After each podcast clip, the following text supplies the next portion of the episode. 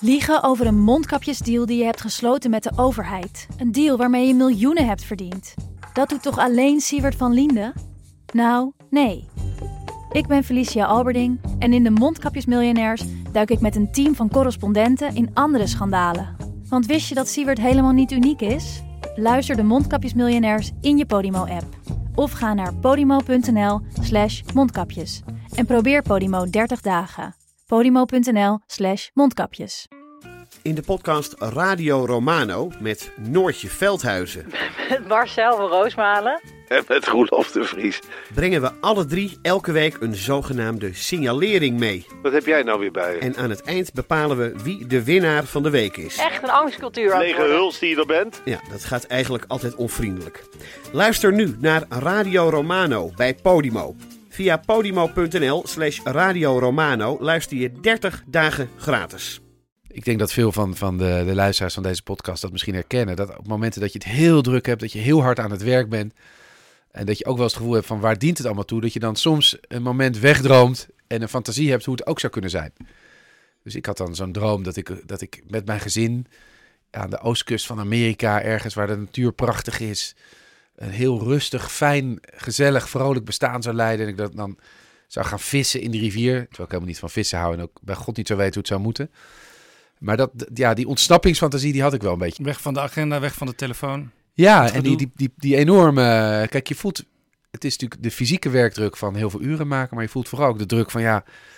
ehm, en, en deels is dat ook overdreven. Eh, je maakt jezelf ook dan groter in je, in je gedachtegang dan je eigenlijk bent. Maar dat het allemaal van mij af zou hangen om de PvdA te redden en het land te redden.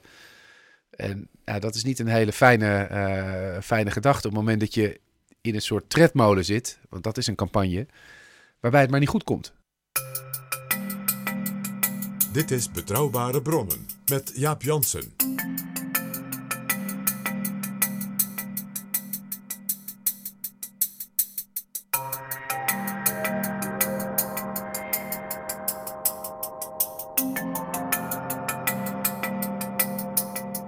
Hallo, welkom in Betrouwbare Bronnen, aflevering 34.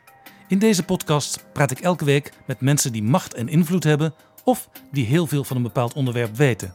Betrouwbare Bronnen gaat over Binnenhof, Buitenhof en Brussel en we vergeten ook de geopolitiek niet. Dus Trump, Xi Jinping en Poetin komen ook geregeld ter sprake. Straks praat ik met iemand die heel machtig was als vicepremier in het kabinet Rutte 2 en die nu, ook dankzij de voor zijn partij gunstige uitslag voor de Eerste Kamer, weer wat meer invloed aan het krijgen is. Partij van de Arbeidleider Lodewijk Asscher. In deze betrouwbare bronnen kondigt hij aan dat hij bij de volgende Tweede Kamerverkiezingen opnieuw de lijsttrekker van zijn partij wil zijn. Een interne strijd om het leiderschap, zoals in 2017 met Diederik Samsom, dat nooit meer. als ik die, die fragmenten nu terugzie, heb ik daar ook pijn van in mijn buik. Dan denk ik, dat had ik ook nooit moeten doen. Bovendien wil Asscher op weg naar die verkiezingen en daarna intensieve samenwerking met GroenLinks en de SP. Eh, ik denk dat we bij volgende Kamerverkiezingen moeten om tafel om te kijken hoe je een aantrekkelijk alternatief vormt. Je kunt veel krachtiger zijn als je heel veel idealisten verenigt, binnen en buiten de politiek. Dus stel dat het zou lukken om eh, met de SP en GroenLinks samen aan te geven, we doen samen uit, samen thuis na de verkiezingen. Dat zou een waanzinnig krachtig signaal zijn, want dan heb je een blok gevormd. En dan moet, moet een rechtse partij of twee rechtse partijen bij een links- en progressief blok. Het is heel anders dan dat je, zoals nu D66 overkomt, semi-linkse partij, natuurlijk eh, rechts economisch, maar op andere punten vaak progressief, die in hun eentje in een, in een rechts motor, motorblok terecht zijn gekomen.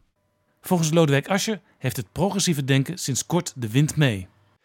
Er is iets aan het veranderen in de tijdgeest. Eh, ik denk dat Ja, Dijkhoff bijvoorbeeld heeft echt kritiek nu op Zeker. grote bedrijven. En dat is nieuw bij de VVD. dat is ook fascinerend. Hè, want we hebben ze twee jaar eh, de dividendbelasting en de winstbelasting horen verdedigen als essentieel voor de Nederlandse samenleving. En opeens is alsof Dijkhoff mijn spreektekst heeft eh, gevonden en praat over dat die multinationals meer belasting moeten betalen. En dat ze niet moeten gaan graaien en dat ze zich verantwoordelijker moeten voelen voor de samenleving. Daar is dus iets heel interessants aan de gang. Een gesprek dus straks met een optimistische Partij van de Arbeidleider. Optimistisch op één punt na. Asscher twijfelt aan zijn Britse collega, Labour-leider Jeremy Corbyn. Niet omdat hij eigenlijk meer SP dan Partij van de Arbeid is, nee, vanwege diens omgang met antisemitische tendensen in de Britse Labour Party. Corbyn had Asscher beloofd daaraan een eind te maken, Maar een paar weken geleden kwamen er opnieuw verhalen in de Britse media over antisemitisme bij Labour. In een brief vraagt Asher Corbyn om opheldering. Dus ik heb hem geschreven van, joh, uh, ik mag hopen dat dit niet, niet klopt, maar wil je me even geruststellen of laten zien wat jullie nu doen om dit antisemitisme aan te pakken? Want het raakt zo de ziel van je, van je partij, maar ook van de internationale beweging die opkomt voor mensen, voor gelijke behandeling, voor emancipatie. Ja, dan, dan kan je nooit wegkijken als dit soort onrecht plaatsvindt. Heeft u al antwoord? Nog niet. En kan er een moment komen dat u zegt, ja, als het zo doorgaat, dan wordt het voor mij toch moeilijk om een bondgenoot van deze Jeremy Corbyn te zijn. Ik, ik ga dat heel goed bekijken, want, want uh, ook in de Nederlandse context zien we helaas uh, dat antisemitisme weer toeneemt. Zien we dat mensen daar, daar, daar angst om hebben. Uh, zien we dat racisme helaas salonveeg lijkt te zijn geworden op sommige plekken. Dus voor mij is dat een essentiële voorwaarde in de politiek om dat ten alle tijde te bestrijden, zonder aanzien des persoons. Dus dan ben je of een bondgenoot of niet. Dus ik wil heel graag gerustgesteld worden dat, dat Labour ook onder Corbyn een bondgenoot is. Partij van de Arbeidleider Lodewijk Asscher straks in deze aflevering van Betrouwbare Bronnen.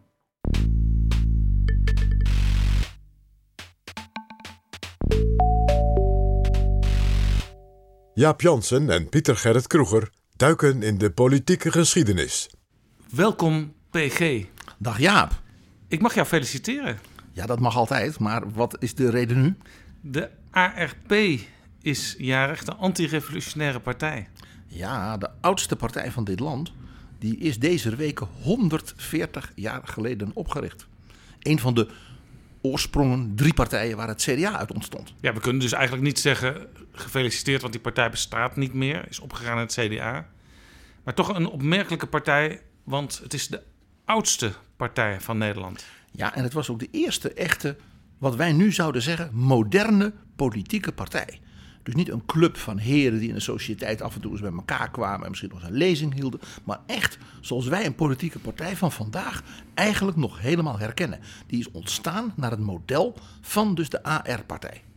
Ja, want uh, de liberalen die heel dominant waren in het Nederlands parlement lang geleden, uh, die hadden soort groepen vormden die van gelijkgezinden, uh, sociaal-liberalen, meer conservatief-liberalen. Ook vaak regionaal. De Amsterdamse handelselite, de Leidse hoogleraren als Torbekke, maar bijvoorbeeld ook de meer progressief denkende ondernemers uit bijvoorbeeld kringen als Arnhem en Brabant. Maar die waren niet zo modern toen daarin als die antirevolutionairen. Nee, want die waren dus niet georganiseerd.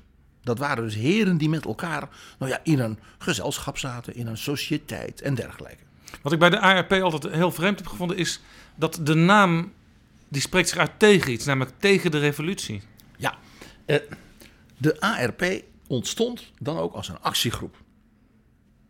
Er is iets heel bijzonders in de Nederlandse geschiedenis. Die partij is opgericht als actiegroep tegen in feite het bewind ook. Het was dus rebels. Het waren kieskringen, want je had in ons land toen kiesdistricten.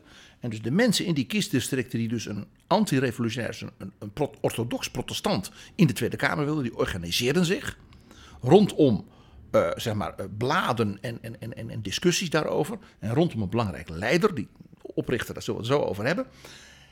En die rebelse kieskringen die zijn zich dus bij elkaar gaan vormen. Die kropen als het ware in een club bij elkaar. En hebben toen, het is net D66 in de 19e eeuw, in 1878 een zogenaamd volkspetitionnement gedaan. Oftewel een soort referendum waarbij ze dus alle Nederlanders vroegen teken onze vurig pleidooi voor de vrijheid van onderwijs. Ze haalden in 1878 500.000 handtekeningen. Dat is heel veel, want hoeveel inwoners had Nederland toen? Enkele miljoenen. Echt heel veel. Echt heel veel. En dat heeft men toen ook aangeboden aan koning Willem III. Dus dat was echt een soort, soort, soort referendum van onderop. Enorm georganiseerd natuurlijk vanuit de kerkelijke gemeenten, de scholen. Nou, daar zie je dus, heel interessant, die ARP, die club die kwam van onderop. Organiseerde zich ook van onderop, had een aantal zeer krachtige intellectuele bestuurlijke leiders. En men wilde eigenlijk dus de regering, het hele bestel, uh, ook de liberale centrale staat die Nederland was, die wilde eigenlijk opblazen. Het is net Hans van Bierlo. Ja, Van Mierlo die zei overigens, je moet de revolutie maken voordat die uitbreekt. Heel filosofisch. heel filosofisch. En de, de anti-revolutionaire partij zei gewoon kortaf tegen de revolutie. Juist.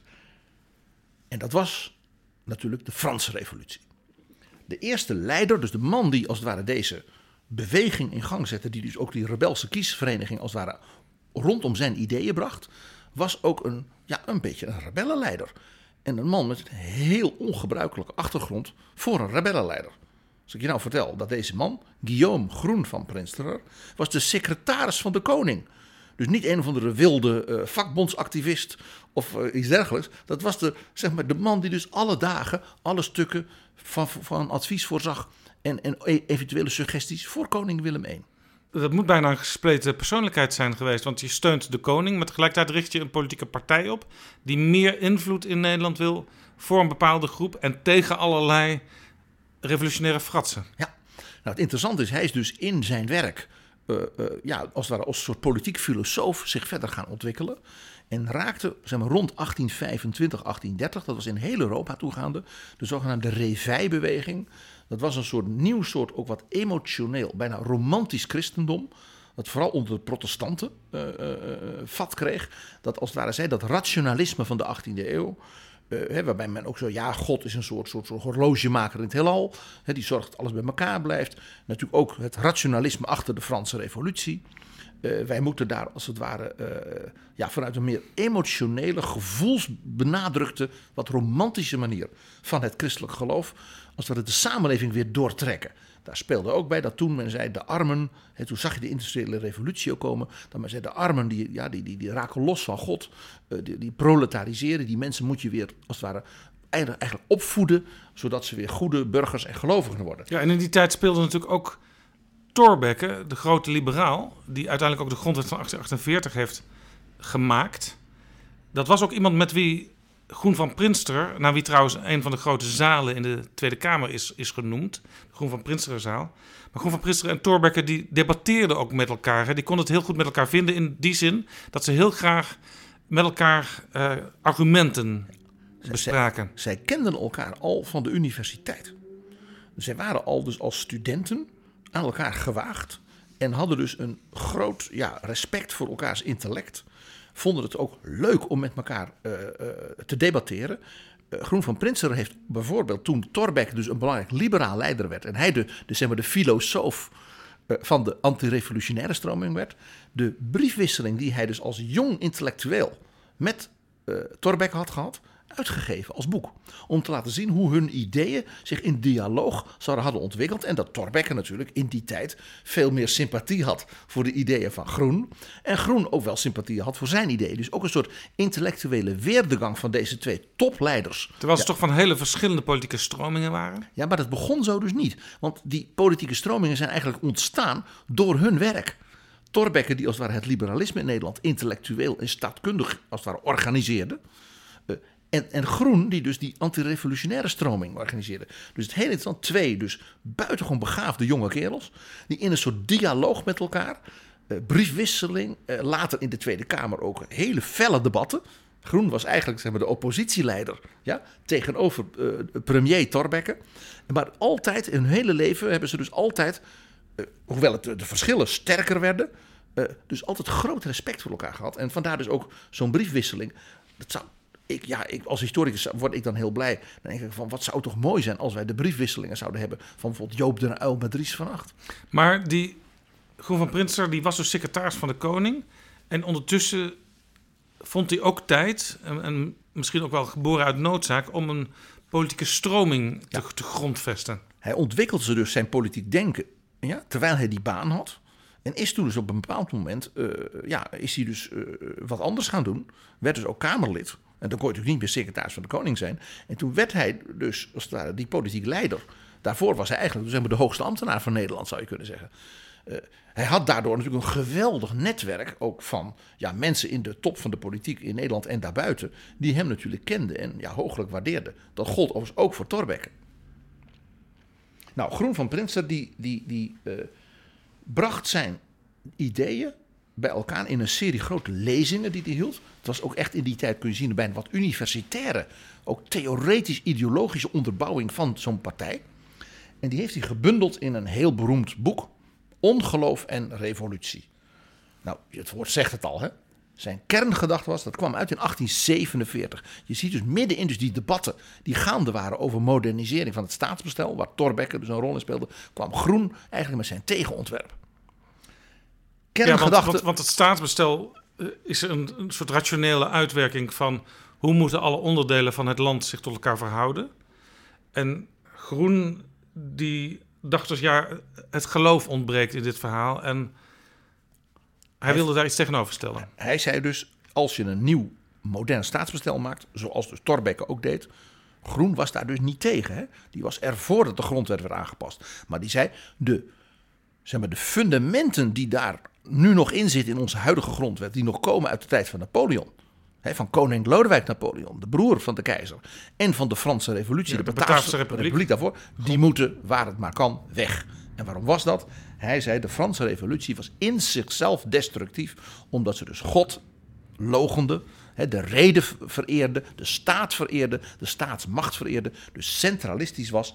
En daardoor zorgde voor een soort losgeslagen samenleving die God niet meer kende. niet Dieu, niet maître, geen God en geen Heer. dus ook geen autoriteit in de samenleving meer.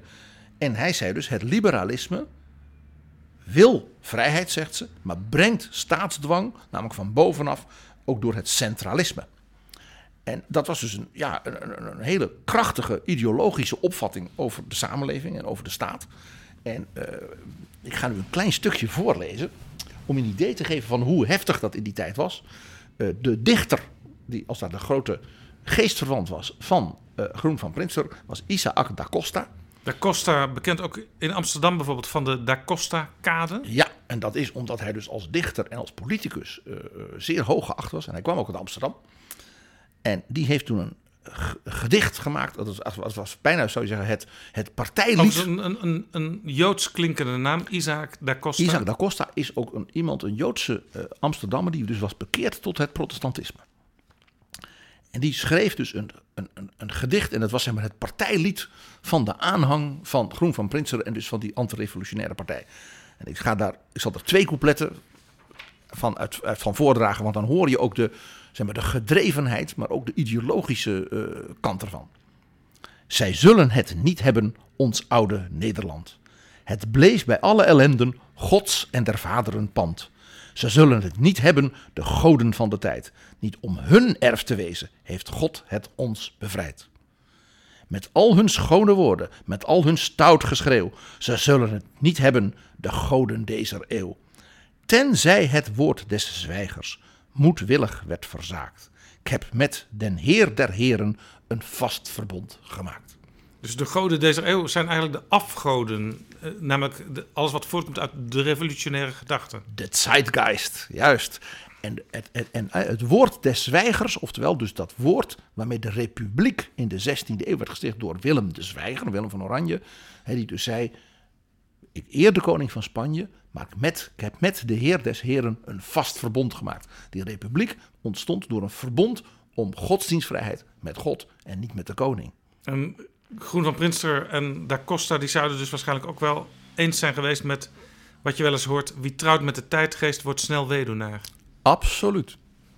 Absoluut. Dat is een zeer anti-revolutionaire gedachte. Nou, anti-revolutionair is dus anti-Franse revolutie tegen Robespierre, tegen Napoleon, tegen dus ook de moordlust en het, ja, de staatsdwang van de revolutie. En dus niet tegen de Verenigde Staten. Ze zaten dus een beetje op de lijn van de Tocqueville, de Franse aristocraat. Alexis de Tocqueville. De Franse aristocraat die door Amerika ging reizen om te kijken waarom lukt nou in Amerika wel wat bij ons zo verschrikkelijk niet lukt. En leidde tot moord en tot, tot, tot, honderdduizenden, ook Nederlandse jongens. Denk nog eens aan de, hè, de, de gebroeders Buma over hun, voor, hun voorvader. Die, hè, jongens die naar Rusland gingen, uh, ja, waar er nou ja, tienduizenden, waar er nauwelijks één leven om terugkwam. Het grote verschil met Amerika is natuurlijk dat Amerika in feite from scratch werd opgericht. De Indianen werden in het reservaat gezet of vermoord. En dat de Amerikaanse founding fathers niet zeg maar, de godsdienst en ook de godsdienstige overtuiging van de bevolking wilden bestrijden. Nee.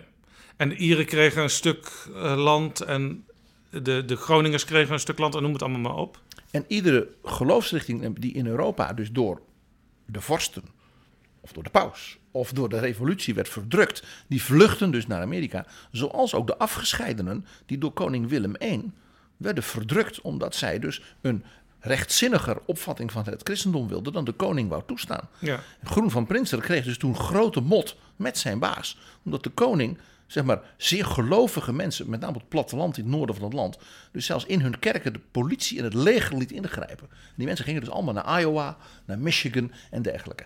Nou, die kant van zeg maar, Amerika, wat ook een revolutionaire staat was, daarvan zeiden ze ja, dat is fatsoenlijk, want dat is een revolutie die God dus niet verbiedt. Heel interessante vorm van diversiteit ook, hè, Amerika. Want iedereen hield dus zijn eigen godsdienst. Maar steeds meer voelde iedereen zich ook Amerikaan. Waar die ook vandaan kwam en waar die ook woonde binnen dat grote land. En dat is dus wat dus Robespierre en Napoleon in Europa met zeg maar, een soort ruimdenkende Franse heerschappij nooit is gelukt. Nee. En Alexis de Tocqueville, nog even een zijpadje, heel kort. Hangt als schilderij in de werkkamer van de leider van het Forum voor Democratie, Thierry Baudet. Maar we hebben het al eerder, uh, Jaap, jij en ik, uh, in de historische rubriek gehad over de volstrekte verwarring van het historisch denken bij de heer Baudet. Daar komt overigens, nu het gaat over die antirevolutionaire, straks ook nog even een puntje langs. Nou, de leuze van Groen van Prinsterer in dat boek Ongeloof en Revolutie, dat werd ook de leuze van zijn partij en zijn beweging, tegen de revolutie, het evangelie. Let op, dus niet tegen de revolutie de kerkelijke hiërarchie, de paus, eh, de synode. Nee, het evangelie. Dus de Bijbel, dus, de, dus als het ware het geloof van iedere christen, ieder, ieder burger in het goede. Dat is wel een soort van vrijzinnigheid, denk ik. Hè? Want je kon dus blijkbaar zelf als persoon jouw geloof definiëren, jouw eigen geloof. Dat was het interessante, dat dus Groen van Prinsteren dus niet een, zeg maar, één kerkelijke leer uh, uh, wilde opleggen. Die zei dat moet uiteindelijk, net als zeg maar Willem de Zwijger hè, in de 16e eeuw ook zei, uiteindelijk moet je, in die tijd zoals men dat zei, men moet de conscientien niet dwingen. Je moet de gewetens dus niet in nood brengen. Wat ze dus Robespierre en de revolutie verweten. Daarom waren ze dus ook anti-atheïstisch. Ze waren dus tegen de laïcité van de, zeg maar, de Franse republikeinse traditie. Ze waren dus ook erg heel natuurlijk tegen centralisme van de staat. Want dat, dat werd natuurlijk altijd al gezien als een soort vorm van verdrukking. Ja.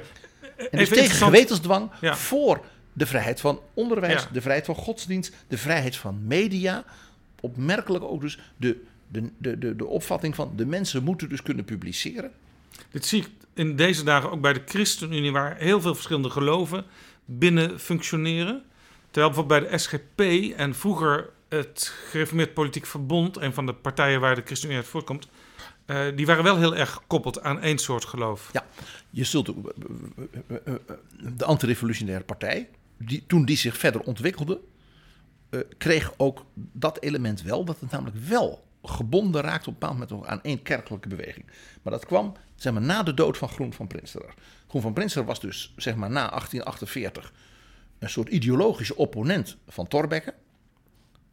Maar interessant, uh, hij heeft dus nooit voorgesteld om die grondwet als het ware af te schaffen en terug te keren naar een soort autocratisch bewind, zoals koning Willem III, hè, als uh, uh, neef van tsaar Nicolaas I, daar is hij weer, eigenlijk wel wilde. Eigenlijk als een soort tsaar gewoon met de knoet kunnen ja, meppen. Want de revolutionair betekent dus niet per se dat de koning zijn oude rechten moest, moest houden. Antirevolutionair was dus niet antidemocratisch. Het was eerder opvallend basisdemocratisch, nou van onderop opgebouwd via de kerkelijke gemeenten. Nou, in 1876 stierf Groen van Prinsterer. En toen, ja, zijn beweging zei, wat gaan we nu doen? En heeft gezegd, wij moeten ons nu gewoon gaan organiseren. De grote ja, profeet ja, is gestorven. Uh, de geestelijk leider van de club. Uh, toen heeft men dus al de kiesverenigingen die dus door hem werden geïnspireerd, zijn een organisatie gaan vormen. Hebben toen die enorme actie met dat referendum, zal ik maar zeggen, hè, dat petitionnement, gedaan als een soort actie om iedereen te binden die het met hen eens was voor de, zo heette de vrije school. Was dat ook vanuit het idee van onze leider is nu gestorven? We moeten wel iets doen, want anders gaat de boel misschien uiteenvallen. Precies. Dus men richtte toen dus een partij op. Uh, die partij kreeg als voorman een jonge, buitengewoon charismatische en briljante dominee, dominee Abraham Kuyper. En die dat is eigenlijk de eerste moderne partijleider van ons land. Ja, en dat gebeurde in 1879, 79. die oprichting van de 140 jaar Revolutionaire Partij. Het eerste wat hij dus deed, dat geeft dus aan hoe modern deze man was. Was dus niet, eh, ik zou maar zeggen, een partijkantoor bouwen, zodat hij daar eh, kon vergaderen en wat al niet, niks ervan. Geen auto met chauffeur. Het eerste wat hij deed was zijn eigen universiteit oprichten. De Vrije Universiteit, de VU in Amsterdam, is van 1880. Ja. Ook, En hij werd zelf natuurlijk de baas, de chef. ook, heb ik ook altijd weer een opmerkelijke naam gevonden. Vrije Universiteit, dan denk je eerder aan iets liberaals. Ja. Vrij. Maar hij was, dus, hij was dus ook vrij, namelijk van overheidsdwang. Ja. Het was dus niet de minister die met, eh, hè, met subsidie en wat dan niet kon eh, bepalen wat daar wel en niet mocht gebeuren. Of de koning, die in die tijd de hoogleraren benoemde, jawel, geadviseerd door ambtenaren. Dus geen gemeenteuniversiteit, geen rijksuniversiteit, maar een vrije universiteit. Ja, dus het interessante is dus de vrije school, zoals ze dat ook doen in die tijd noemden, wat er nu bijzonder onderwijs heet. Dat heet toen de vrije school. De vrije universiteit waren dus tegenbewegingen tegen het liberalisme. Dat dus als staatsdwang en centralisme werd beschouwd. Nou, eh, Kuiper was, eh, ja, was de, de, de nieuwe leider en ja, die man had alles mee. Eh, het was een literator, eh, hij was een predikant, hij was een beroemd als spreker, want hij kon natuurlijk als predikant was hij geoefend. Hij kende, nou ja, zeg maar, de, wereldliteratuur, de theologen, de gedichten, alles uit zijn hoofd. Eh, hij was een geweldige doener. De man had zijn eigen universiteit, zijn eigen partij, zijn eigen krant, zijn eigen. Hij, hij preekte natuurlijk elke zondag nog. Hij was ook een wereldreiziger. George Haring heeft een paar jaar geleden twee geweldige tv-series gemaakt. Eén over de reis van Kuiper door het hele Midden-Oosten. Ja, hij wou dat zien waar Jezus was geweest. Als je over die En zijn tijd- reis door Amerika. Als je over die tijd denkt, dan denk je niet per definitie aan enorme reizen. Want je denkt, het zal in Nederland, eh, als je in, in Drenthe woonde, dan was een reis naar Amsterdam al een heel eind. We gaan het hopelijk, Ja- Jaap, volgend jaar een keer helemaal over Abraham Kuyper hebben samen. Want dan is het 100 jaar geleden dat hij stierf. En eh die man, daar valt zoveel over te vertellen. Maar gewoon één klein dingetje. Eh, de eerste Nederlandse politicus die ontvangen is door de president van Amerika op het Witte Huis was Abraham Kuyper. Die reisde door Amerika, want hij wou kijken hoe dat land dat zo voorop liep, economisch, politiek, cultureel, industrieel, eh, eh, hoe dat ook ging met de democratie daar. Hij zei: Ik ga daar zelf heen. Als een soort tweede Tocqueville ging hij naar Amerika. En inderdaad, zijn opvattingen, die hij daar ook heeft ge- getoetst over modern sociaal beleid bijvoorbeeld, die, die, dat is bijna een soort Nederlandse Tocqueville. Je vertelde, die partij werd opgericht. Groen van Prinsen had het voorwerk gedaan. Er kwam ook een universiteit, de Vrije Universiteit. Een krant, een, al- als heel modern dus. Met andere woorden, er was dus een heel, hele cultuur omheen gebouwd om dat antirevolutionaire denken. Ja, men, men zocht elkaar op en dat was dus iets wat in heel Nederland dus gebeurde. Eh, dus dat was op het platteland, in de kleinere steden, maar ook in de grote steden eh, hadden ze dus hun eigen clubs, eh, hun eigen eh, organisatie. Zeer stevig. Daarin merk je natuurlijk ook typisch het Calvinisme. Dus hè? Brabant en Limburg uitgezonderd, denk ik. Eh, dat zul je nog verbaasd zijn, want de protestanten in Brabant, eh, die waren ook eh, zeker ook Kuiperiaans. In Limburg wat minder, zullen we maar zeggen. Maar ook in Brabant, zeker daar aan de, in de Betuwe en dergelijke, wel degelijk. Kon je die mensen ook herkennen als je ze, ze zag discussiëren of misschien zelfs in hun kleding? Ja, ja, ja, zeker, zeker. Eh, ik denk dat elke Nederlander begrijpt, die luistert nu, als ik zeg, kijk naar Piet Hein Donner. En dan zie je de klassieke gereformeerde bestuurder, de klassieke gereformeerde politicus. Een driedelig pak op een fiets. Ja, ja. Met die typische eh, eh, reformatorische humor ook. Die niet iedereen altijd begrijpt. Ja, en vaak ook redeneringen met veel komma's. En pas eh, heel ver weg een punt. Zo is het. Zo is het, Jaap. Wat kenmerkend is voor de cultuur van de antirevolutionaire partij... is een hele aparte combinatie. Namelijk, men had natuurlijk toch een patriarchale, ook wel vrij autoritaire stijl... protestant-calvinistisch... met basisdemocratie, dat rebelse, die oppositie... van wij gaan die liberalen bestrijden... we gaan een petitionement en iedere Nederlander moet tekenen... Ook dat zit in het Calvinisme, want het Calvinisme was natuurlijk in Nederland een opstandsbeweging van een minderheid geweest tegen de Spanjaarden met hun moderne staatsdwang van het absolutisme van Philips II. Ook kenmerkend, het was dus een vereniging, die partij, van gewone mensen in de dorpen, boeren en, en, ja, en, en, en, en, en dergelijke kerkelijke gemeenten op het platteland. Ja. Met topintellectuelen. Ja, toch nog even, toch nog even voor mijn helderheid. Het was natuurlijk een Nederlands hervormde kerk, waarvan de koning in feite eh, de leider was. Eh, en dit week daar wel van af. Ja, en dat leidde dus ook toe dat vanuit de oprichting van de VU en het ontstaan dus van deze partij, er dus ook een kerkscheuring ontstond. En dus een groot deel, een aanzienlijk deel van dus de hervormde kerk, met Kuiper uit die kerk gestapt is. Dat was wat hoor, in 1886. En die, een groot deel van die mensen die al in de jaren 30, toen Groen van Prinsteren dus met zijn baas, de koning, dus eigenlijk woorden kreeg over zijn kerkpolitiek, die afgescheidenen, die zijn dus als het ware met deze groep van Kuiper samengegaan en dat, dat werd de gereformeerde kerk. Kwam dit ook voort uit het feit dat uh, de staatskerk, zullen we maar even zo noemen, uh, toch geleid werd door de elite van die tijd. En dat de kleine luiden van Kuiper, ja, die, dat was een ander, ander niveau.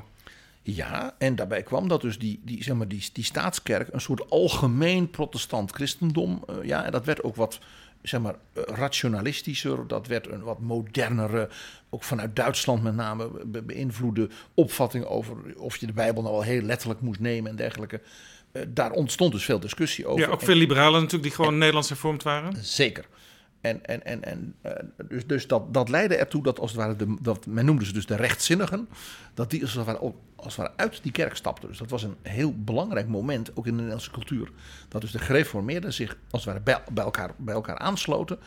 En daar hielp natuurlijk bij de persoon van Kuiper met zijn eigen universiteit, zijn eigen krant, zijn eigen uh, uh, partij, zijn eigen vakbonden, zijn jongere organisaties. Want dat was dus het bijzondere. Ja, vakbond, want het CNV is daar ook ontstaan. Zeker. Het bijzondere hier dus is dat het moderne is dat dus de politiek uit de herensociëteit gehaald werd. Hebben bij de liberale heren met een sigaar, uh, zeg maar onderling de baantjes verdeelden. Je zou bijna zeggen het kartel. Uh, en, en ja, als het ware zeiden, nou ja, we moeten nog even die advocaten als jurist en dan gaan we die maken we burgemeester. Dat was dus niet vanuit kwaaiigheid, maar dat was corporatistisch. En natuurlijk was het nog uit de standen van de Nederlandse Republiek van de 17e en de 18e eeuw. Dat was in de Franse tijd niet afgeschaft en door de Oranjes weer voortgezet. En de antirevolutionaire partij was in dat opzicht dus ook anti. Die was dus rebels, in die zin basisdemocratisch. Nou, eigenlijk is de ARP de broddellap van de democratie in Nederland. Broddellap? Ja, broddellap. Je probeert uit, hoe zou je dat nou kunnen doen? Een politieke partij met zijn interne organisatie, ja, een soort experiment. Van, van, van Want een broddellap is iets, je maakt een, een, een truitje of zo. En dan kijk je of alles past en of je misschien toch misschien iets anders moet doen. Je oefent als het ware borduren en breien en dergelijke. Dat is een broddellamp. Dus de ARP moest eigenlijk alles bij nul beginnen. Dus was dus in zichzelf experimenteel en innovatief. Er zijn drie dingen waar je dat aanmerkt. Waardoor die partij ook eigenlijk, een, ja, eigenlijk tot de dag van vandaag een beetje het model is van de politieke partij in Nederland. Het eerste, de partij had een zeer krachtig, herkenbaar fundament. Je wist, ja, qua ideeën en uh, het soort mensen, ja, van, dat je ze herkende. Uh, ze waren dus sterk gespreid over het hele land. Het was een typische volkspartij, zoals wij dat nu zouden zeggen. Een catch-all party, hè, zoals de, de politicologen dat noemen. Die dus arbeiders en hoogleraren. En boeren, en ondernemers, en jongeren, en alle bevolkingsgroepen. Twee, het was duidelijk bestuurlijk geworteld. Dus die mensen zaten dus in de schoolbesturen hè, van die vrije scholen, de christelijke scholen, van de VU, van de diaconie, dus voor de armenzorg, voor de ziekenhuizen, voor de ouderen, de wezen, de scholen. Die bestuurlijke kant, typisch Nederlands, hè, uh, waarbij men elkaar opzocht. Die kenden elkaar, uh, dus die gaven elkaar dus ook politiek instructies van de scholen willen dit, dan gaan we dat in de Kamer bepleiten. Heel kenmerkend voor hoe Nederlandse politieke partijen georganiseerd zijn. Tweede punt. Heel sterk nadruk op opgeleid, leidend personeel. Goede mensen naar voren brengen, die dus weten waar het over gaat, met ervaring, uh, ja, dus getraind. Kenmerkend natuurlijk voor het Calvinisme dominees, onderwijzers, leraren, besturen, uh, ja, VU-studenten. Zo'n Balkenende, zo'n jonge VU-hoogleraar, typisch zo'n echo uit die tijd ondernemers, maar dan christelijke, vrome ondernemers, vaak ook uit het platteland. Heel opvallend rijke weldoeners, dus eh, klassieke, eh, eh, zeg maar, rijke families die wel heel christelijk waren, die dan zo'n partij ondersteunden. Ook kenmerkend het VU-busje. In elk gereformeerd gezin stond er op de schoorsteen een busje. En als er een cent over was in die week, dan ging er een cent in, want daar werd de VU van betaald, want die kreeg geen subsidie. Heel kenmerkend, dus krachtig georganiseerd en goede mensen opleiden, trainen. eh, ook de jongerenorganisatie eh, en dergelijke. Maar wacht even, de VU. Op een gegeven moment is er natuurlijk de pacificatie eh, geweest. In eh 1917, 1918. En toen werd de VU denk ik wel gesubsidieerd vanaf dat moment. Onthoud dat de pacificatie, dus de vrijheid van onderwijs, toen artikel 208 van de grondwet, gold voor de leerplicht. Dus voor de, de, de tot je achttiende. Of, of misschien Nou ja, nog iets, iets jonger. tot je zestiende. Ja, tot je twaalfde. Dat is pas heel langzaam uitgebouwd geweest. Dat de, dat de universiteiten gelijkelijk gefinancierd werden, is van veel en veel later. Wanneer werd de VU echt ook Na, het landelijk is allemaal na de oorlog geweest. Allemaal na de Tweede Toen Wereldoorlog. pas. Ja. Dit is Betrouwbare Bronnen.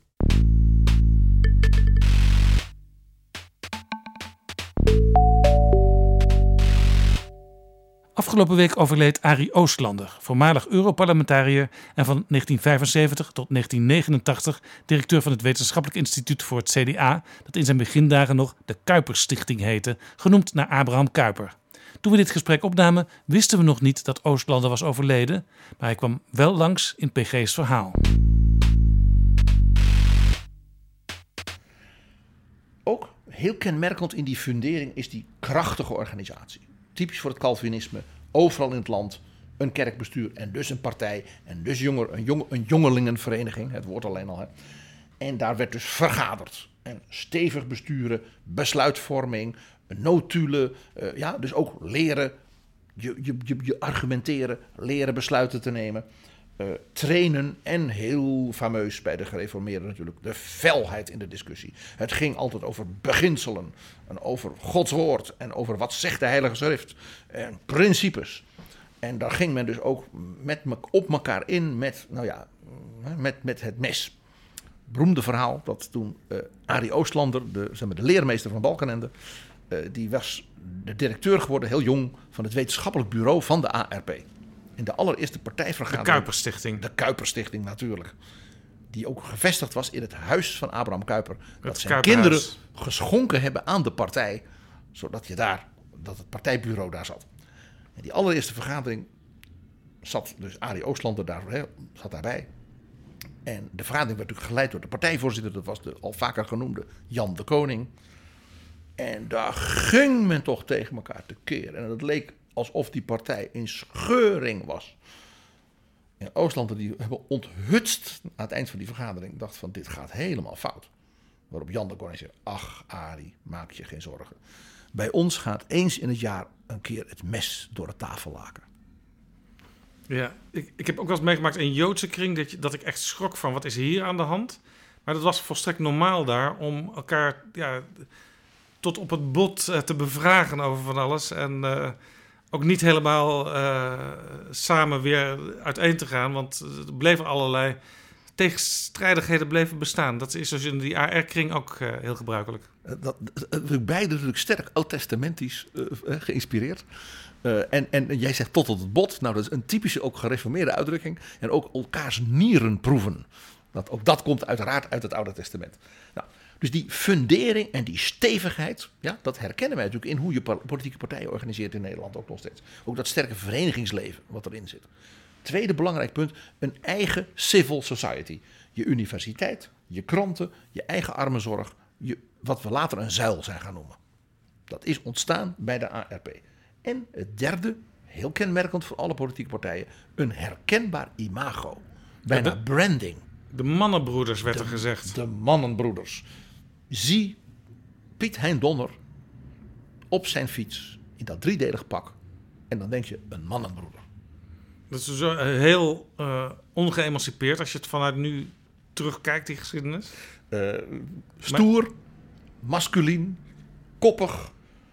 typisch woord dit, hecht doortimmerd. Ja, maar ja, het waren natuurlijk tot in de jaren 50 eigenlijk overal mannen die de dienst uitmaakten in elke politieke stroming. En eh, ik ga, ga eens kijken naar Nieuw Links eh, met lange haar en baarden in, in de PvdA van die tijd. Allemaal heren, dus ach, het is ook een beetje Nederlands hoor.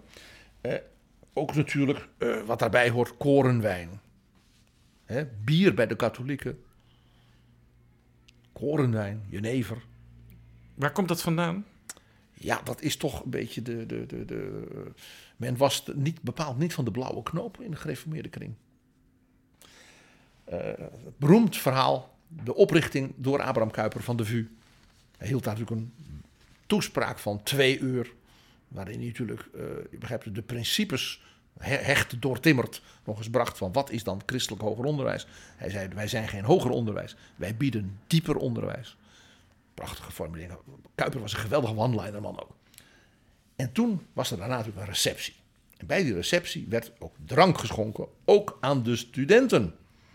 Nou, de kranten in Nederland, die schreven er schande van. Abraham Kuyper heeft toen in zijn eigen krant daar een reactie op geschreven. En toen zei hij, ook weer zo'n geweldige one-liner van Kuyper... een kloek ras van Calvinisten voedt men niet op bij de chocoladeketel. Dit hoort dus ook een beetje bij die branding. Wat stoer, masculien. Ook heel opvallend dus. Ook misschien een beetje uit de zeevaart, hè? want in de zeevaart werd ook veel Berenburg en zo gedronken. Ja, ja daar, daar zit iets in. Eh, wat ook heel kenmerkend voor de AR, voor de mannenbroeders was. Ze waren zeer koloniaal. Eh, hè, Nederland had een missie in de wereld. En dat was dus die volkeren eh, ja, tot beschaving en Ja, christendom brengen. Beschaving, beschaving, ja. Ja, dus dat was een, het was een soort positief kolonialisme, maar het was wel kolonialisme. Nou, je begrijpt het al, mannenbroeders met een krachtig imago, met een man als Kuiper met zijn geweldige one-liners en zijn enorme persoonlijkheid. Hij werd ook later, toen hij minister-president werd, een beetje spottend, maar toch ook weer met onze Abraham de Geweldige genoemd. Nou, van welke premier is dat in Nederland sindsdien nog gezegd? Was dat niet een, een uitdrukking van eh, Albert Haan, de grote cartoonist? De grote cartoonist Albert Haan heeft inderdaad misschien wel de beroemdste spotprent van enige premier van eh, in de Nederlandse geschiedenis tot nu toe is Abraham de Geweldige van Overkuiper. Dat die enorme eh, dominante kin. Ja, en dat, dat, dat, dat zwarte haar en, en, en zijn, zijn, zijn alles. brilletje. De, de persoonlijkheid spatte er van die man af. Eh, hij is een voorbeeld van de vele, mag ik het zeggen, sterke mannen die kenmerkend ook weer horen bij zeg maar, dat imago van deze partij. Ja, want er was er nog één die we natuurlijk allemaal in ieder geval van naam kennen. Dat is Hendrikus Colijn. Zeker, dat was zeg maar de, eigenlijk de opvolger als politiek leider van Kuiper. Kuiper is dus heel lang politiek leider gebleven, hè, van 79 tot hij stierf in 1920. Dat is wat, hè? 40 jaar de politiek leider. Bijna een soort Helmoet Kool-achtige figuur. Ja, dat zou tegenwoordig bij het CDA niet meer kunnen. Want dan zeggen ze na twaalf jaar, het wordt tijd om eens eh, naar iets anders om te gaan kijken. Ja, dat is allemaal de moderne tijd. Dat is allemaal de moderne tijd, ja. oh, e- even nog een dingetje over, over Kuiper, dan stoppen, want volgend jaar gaan we het over hebben. Wilhelmina was natuurlijk heel jong koningin toen hij dus op de toppen van zijn macht was. Hij werd in 1901 werd hij voor het eerst premier. Toen was zij drie jaar koningin. Toen was ze dus 21. En Wilhelmina verafschuwde Abraham Kuyper. Van haar is bekend dat zij zei: als ik, de, als ik de heer Kuyper spreek, dan zie ik in zijn ogen slechts één verlangen branden. De eerste president te zijn van de herstelde Republiek der Nederlanden. En daar had ze misschien wel gelijk in. Ik sluit het niet uit. Ik sluit het niet uit. Nou, Colijn, dat was anders. Die had met, was met Wilhelmina een uitstekende band. Van de Shell was die ook, hè? Ja, hij was de CEO van wat wij nu zouden zeggen. eh, Hij was de Jeroen van der Veer. Koninklijke olie. Ja, hij was de Jeroen van der Veer van de jaren 20, 30. Dat is heel bijzonder. En hij heeft dus eh, Wilhelmina heel erg geholpen eh, toen eh, ja, zij weduwe was. en met die man, die prins Hendrik, ja, die kon niet veel. En hij heeft zeg maar, de financiën van het Huis van Oranje gesaneerd. En da- vandaar de verhalen dat ze zo vreselijk rijk zijn. En dat koninklijke olie en Shell van hen is. Dat is een gerucht, laat ik het zo zeggen, uit het feit dat eh, Colijn als minister van Financiën, eh, als het ware dit gedaan heeft om Wilhelmina te helpen. Ja, Prins Bernhard belde gewoon rechtstreeks naar de hoofdredacteur van Forbes. Als hij weer eens boven in het lijstje stond van de, de rijksten der aarde. Nou ja, zijn vrouw dan, hè? Zijn vrouw. Juliana. Ja. Klopt helemaal niks van. En mijn dochter Beatrix geldt hetzelfde voor. Klopt helemaal niks van. Nee, En dan hing die weer op. En dan hing die weer op. En die journalisten wisten toen nog zekerder dat het waarschijnlijk wel waar was. Nou, eh, Colijn was een militair. Had gevochten in Indië. wat, dat post, hè, wat ik al zei, dat wat, dat masculine kolonialisme wat ze wel hadden, eh, was dus een, een toppoliticus, zowel financieel als een, was ook echt een leidersfiguur.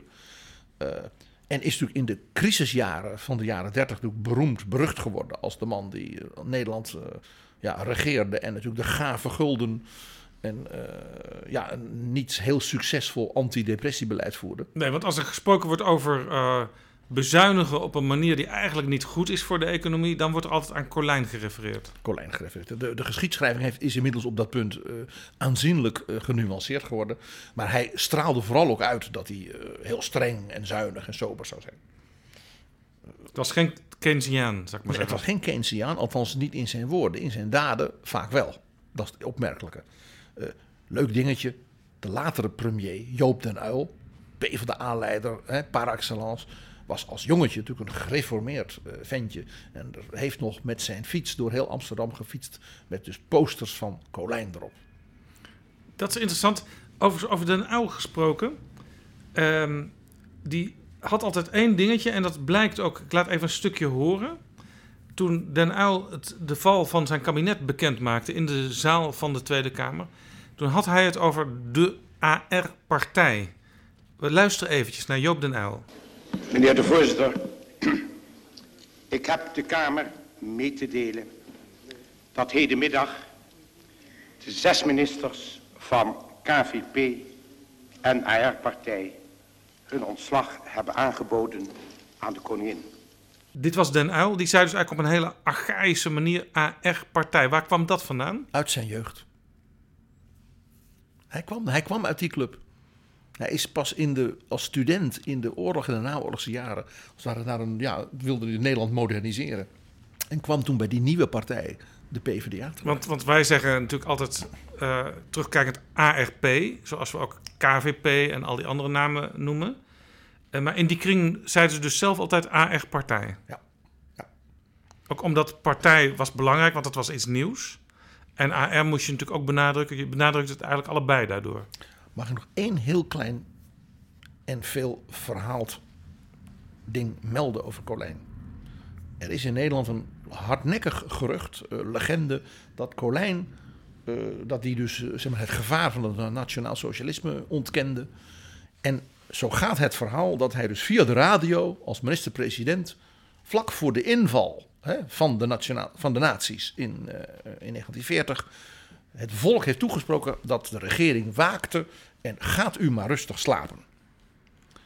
Dit is een mooi voorbeeld van hoe dus de, zeg maar, zo'n leidersfiguur als Colijn, als het ware door de geschiedenis een soort echo blijft houden, ook als het helemaal niet waar is. Daarom maan ik nog eens aan om zich niet te laten verontrusten. Het is beter dat men later getuigen moet dat de regering wel heel erg voorzichtig is geweest, dan dat haar met hogere kans ook later verweten zou kunnen worden dat ze gedut had in een tijd dat waakzaamheid plicht was.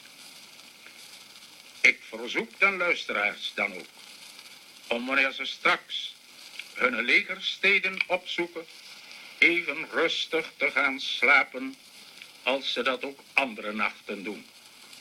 Er is voorshands nog geen enkele reden om werkelijk ongerust te zijn. En daarmee, geachte luisteraars, laat ik u over aan de verpozen die de radio u plicht te bieden.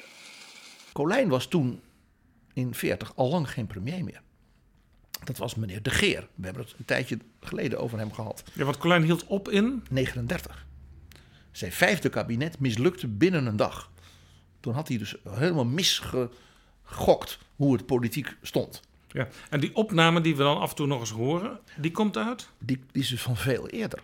Dat was toen de nazi's, onder andere bijvoorbeeld eh, het verdrag van Versailles opzegden en de, het een geneutraal verklaarde Rijnland, dus Keulen en Bonn, bezet werden door Duitse troepen. Ja, maar kun je niet zeggen dat hij misschien daar ook iets uh, langmoedig was van, komt allemaal wel goed? Nou ja, uh, Nederland was natuurlijk geen partij in het verdrag van Versailles. Nederland had daar natuurlijk helemaal niet aan meegedaan. Nee, en hij zat misschien dan wel nog iets te veel in dat oude beeld van Nederland neutraal. Ook wij zullen dit wel weer uh, te boven komen. Zoals bijna elke andere Nederlandse politicus op dat moment. Kun je hem dus niet specifiek kwalijk nemen? Nee. Maar het is heel opvallend hoe dus, zie je dus hoe de persoon Colijn zo geïdentificeerd is met die tijd. Dat dit soort mythes dan over zo iemand worden verteld. Ja, er waren nog meer sterke figuren, sterke mannenbroeders. Ja, beroemde namen die ook van, van later tijd, waar we het misschien nu niet. Een man als Jelle Zeilstra, Barend Biesheuvel. Ik wil er nog eentje noemen die minder bekend is. Maar heel kleurrijk en klassiek voor die wereld. Jan Schouten. Daarvan ken ik nog de leus: maakt geen fouten, stemt Jan Schouten. Misschien wel de beste verkiezingsleus ooit in de Nederlandse politieke geschiedenis. Maak geen fouten, stem Jan Schouten. Ja, dat was de opvolger zeg maar, als partijleider van Colijn. En die deed dat eigenlijk dus in 39. Dus toen de oorlog uitbrak, uh, moest hij dus die partij proberen overeind te houden. En uh, nou, die is toen vrij snel door de Duitsers verboden. Uh, Schouten heeft toen aan meegewerkt met zijn partijbestuur dat ze ondergronds, dus, dus in het geheim, nou ja, we bleven vergaderen en dingen. Hij is toen opgepakt. Schouten is verschrikkelijk in een concentratiekamp nou ja, mishandeld en dergelijke. En kwam meer dood dan levend terug. En beroemd is dat hij toen, nou ja, zeg maar, nou ja, je kon, hij was heel vermagerd en alles. En hij riep toen het partijbestuur dus in het bevrijde Nederland weer bijeen. Dan heeft hij een toespraak gehouden met de beroemde zin: Ik ben niet veranderd. Dat kun je positief opvatten. Hè? Hij staat voor zijn principes en daar staat hij nog steeds voor. Maar ook negatief, want heel veel mensen in 1945, 1946 dachten... wij gaan Nederland nu eens heel anders inrichten. Allerlei fouten uit het verleden herhalen we niet meer. Bijvoorbeeld Partij van de Arbeid werd opgericht hè, als een soort KVP. emancipatiepartij. De KVP. De VVD. De ja, de liberalen. Uh, dus iedereen wilde het op een bepaalde manier anders gaan doen. Maar hij zei, ik ben niet veranderd. Hij zei, de principes van Groen van Prinsteren, van Kuiper... die zijn zoveel sterker en zoveel machtiger dan dat nationaal socialisme en die verschrikkingen. Uiteindelijk hè, winnen die, voor hem natuurlijk ook goddelijke principes, die winnen. En eigenlijk waren die zelfs getoetst en getest door dat nationaal socialisme. Het was een beproeving des heren geweest, jazeker. En wij hebben dus overwonnen. En dus blijven wij ons, onze principes vasthouden. Dat was dus ook een periode die toen intrad onder Schouten dat de ARP een van de meest conservatieve partijen in het parlement was. Uh, ja, en ook in de jaren 50, dus onder zijn leiding, heel nadrukkelijk een sterk behoudende partij was. Uh, wie zou nu meer zeggen, meer SGP. Schouten was dus een grote persoonlijkheid, maar was ook een man die dus het nieuwe, de nieuwe samenleving, die in de jaren 50 ontstond en ook de komst van de welvaartsstaat, natuurlijk niet zag. Hoe kan dat? Want als klein jongetje uh, en ook als iemand die langzaam in politiek geïnteresseerd raakte, zag ik de ARP zeg maar, van begin jaren 70, uh, eh, ook in de tijd dat het kabinet een uil gevormd ging worden, hè, 1973, als toch meer een wat, wat, ja, wat linksere christelijke partij. Ook met mensen als uh, Willem Aantjes en ook iemand als de oude de Guy Fortman, die de vorming van het kabinet een uil mogelijk maakte door anders dan sommige van zijn partijgenoten uh, meteen te zeggen: ja, ik ga meedoen.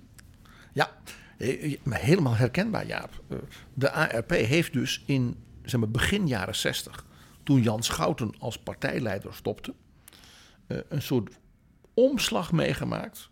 Waardoor heel veel mensen, mag ik het zeggen, buiten confessioneel Nederland. een ernstig misverstand kregen. Namelijk dat de ARP een soort linkse, sociaal voelende, progressieve partij was. Ja, toen werd het, eh, dat, die naam antirevolutionair helemaal een lastige naam voor veel mensen. Als ik je nou vertel dat de later als zo links en zo progressief bekendstaande Wim Aantjes, als jong Kamerlid in de tijd van Jan Schouten, tegen de AOW-wet van Drees heeft gestemd, omdat de zorg voor de ouderen een zaak was van het gezin. Daar ging de staat niet over. Zo conservatief, klassiek conservatief, ja, was dus de ARP in die tijd.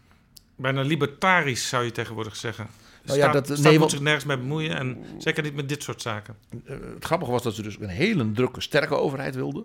Ze waren zeker niet libertarisch. Want ze hadden natuurlijk niets met het liberale van uh, de vrije hand van de markt en dan komt alles goed. Is een ernstig misverstand, wat je dus ook bij Thierry Baudet ziet, hè, die dus zegt: Ik uh, wil de 19e eeuw terug en allemaal van dat soort dingen.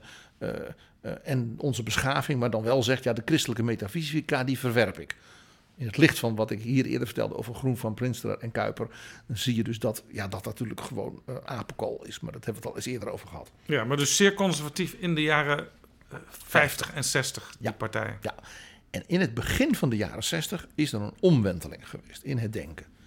En het interessante is, die had drie bronnen. De eerste, misschien wel meest opmerkelijke bron, was Europa. De ARP zat met de CHU en de KVP, dus de twee andere grote confessionele partijen in het Europees Parlement in Straatsburg, in één fractie van de Christendemocraten. Omdat je natuurlijk als Nederland maar een beperkt aantal Europarlementariërs had. Het waren toen mensen die ook nog tegelijkertijd in de Tweede Kamer zaten. Uh, moest je wel samen in één fractie gaan zitten, ook omdat je natuurlijk met de Fransen, met de Duitsers, noem maar op, uh, ja, macht moest, moest organiseren. Men probeerde Europese politieke partijen te ontwikkelen vanuit dus de Europese samenwerkingsgedachte. Dus in het Europees Parlement zat voor de ARP de landbouwspecialist Jan de Koning. En die zat dus met katholieken uit Italië, uit Beieren, maar ook met Franse protestanten en de CVP ja, eh, van België en van Wallonië. En eh, zeg maar de, de, de voorouders van Jean-Claude Juncker hè, uit Luxemburg. Eh, die zaten, die zes landen, die vormden dus die Europese Unie, die Europese gemeenschap met het Europees Parlement. Interessant beeld, want uh, we hebben allemaal gezien hoe het CDA is gevormd, namelijk van onderop. Hè, vanuit de afdelingen van die verschillende partijen, die gingen alvast soms in gemeenteraden bijvoorbeeld samenwerken. Maar eigenlijk is de samenwerking al eerder begonnen in Europa. Ja. En dat model van onderop, uh, ook een beetje tegen de bobo's, is natuurlijk het model van de ARP van Guillaume Groen van Prinsterer. Interessant.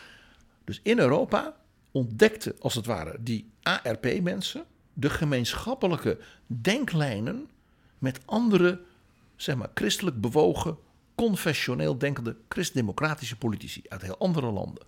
En dat opende dus een beetje hun geest voorbij, ik maar zeggen, de Jan Schouten-principes. Uh, Tweede belangrijke punt was dat dat werd nog aangemoedigd door wat er in de katholieke kerk gebeurde met paus Johannes de 23e, het Vaticaans concilie, en wat die paus zo mooi noemde aggiornamento. Het openzetten van de ramen. De katholieke kerk moest zich openen. Naar de wereld, naar de jonge mensen, naar de nieuwe tijd. En dat betekent dus ook naar andere gelovigen, ook naar protestanten. Zoals Deng Xiaoping ook de ramen openzetten in China. Deng Xiaoping was de paus Johannes de 23e van Azië. Ja. En dan was er nog een derde belangrijke ontwikkeling, was de ecumenische beweging, namelijk de gedachte dat men de scheidslijnen tussen de verschillende kerken en hun tradities eigenlijk moest opheffen. En dat was natuurlijk een belangrijk gevolg van de Shoah, van de Tweede Wereldoorlog en van wat men de, de Holocaust noemde. Het idee dat dus, laat zeggen, dat de mensen die nou ja, nog, nog aan God vasthielden, maar beter met elkaar samen konden werken dan die verschrikkingen. Hè, dus, dus uh, men, men wilde dus voor de vrede, ook vaak voor de ontwikkelingssamenwerking, dat soort thema's in de wereld. En die ecumenische beweging opende dus ook in de gereformeerde kerken van de ARP, de geesten. En daardoor ontstond dus een nieuwe nadruk op zeg maar, de sociale taak van gelovigen in de wereld.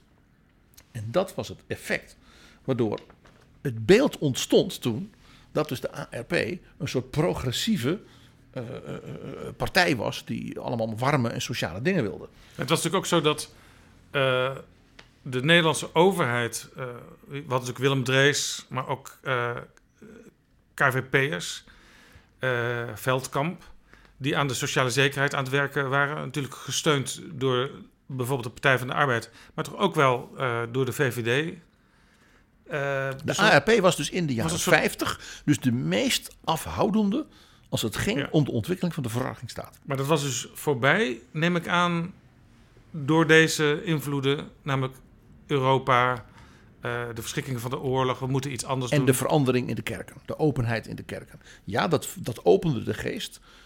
Maar ik heb altijd, voor mij, voor mij is altijd die maar zeg maar die sociaal-conservatieve kant van de ARP altijd het meest opvallende gebleven. Bijvoorbeeld iemand als Hanny van Leeuwen. Die stond toch heel sterk voor die christelijk-sociale vleugel. Het behoud van eh, de, de, de armenzorg en de weduwepensioenen. Ja, zij was natuurlijk heel lang Tweede Kamerlid en daarna ook nog heel lang Eerste, Eerste Kamerlid. Tot eigenlijk een aantal jaren geleden. eh, ze is overleden. Ja. En zij, zij werd een beetje wat spottend, ook wel in het CDA, de moeder van de armen en de leprozen genoemd. Eh, En zij was ook altijd de hoop van partijen die in de oppositie zaten als het CDA regeerde.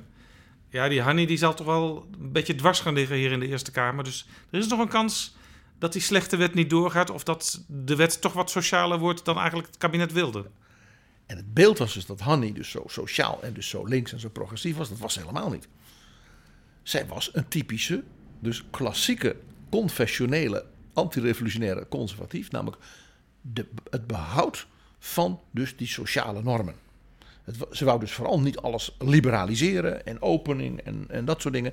Nee, we hebben, die, hè, we hebben de, de ouderen beloofd dat ze een AOW krijgen. Dan moet je die overeind houden. We willen dat de gezinnen eh, ja, eh, eh, niet naar de voedselbank moeten. We willen dat de, de, de kostverdieners, hè, dus de vader, voldoende verdient voor zijn gezin. We hebben de, de, jongere mensen beloofd dat ze een goede school krijgen, dat ze een studiebeurs krijgen.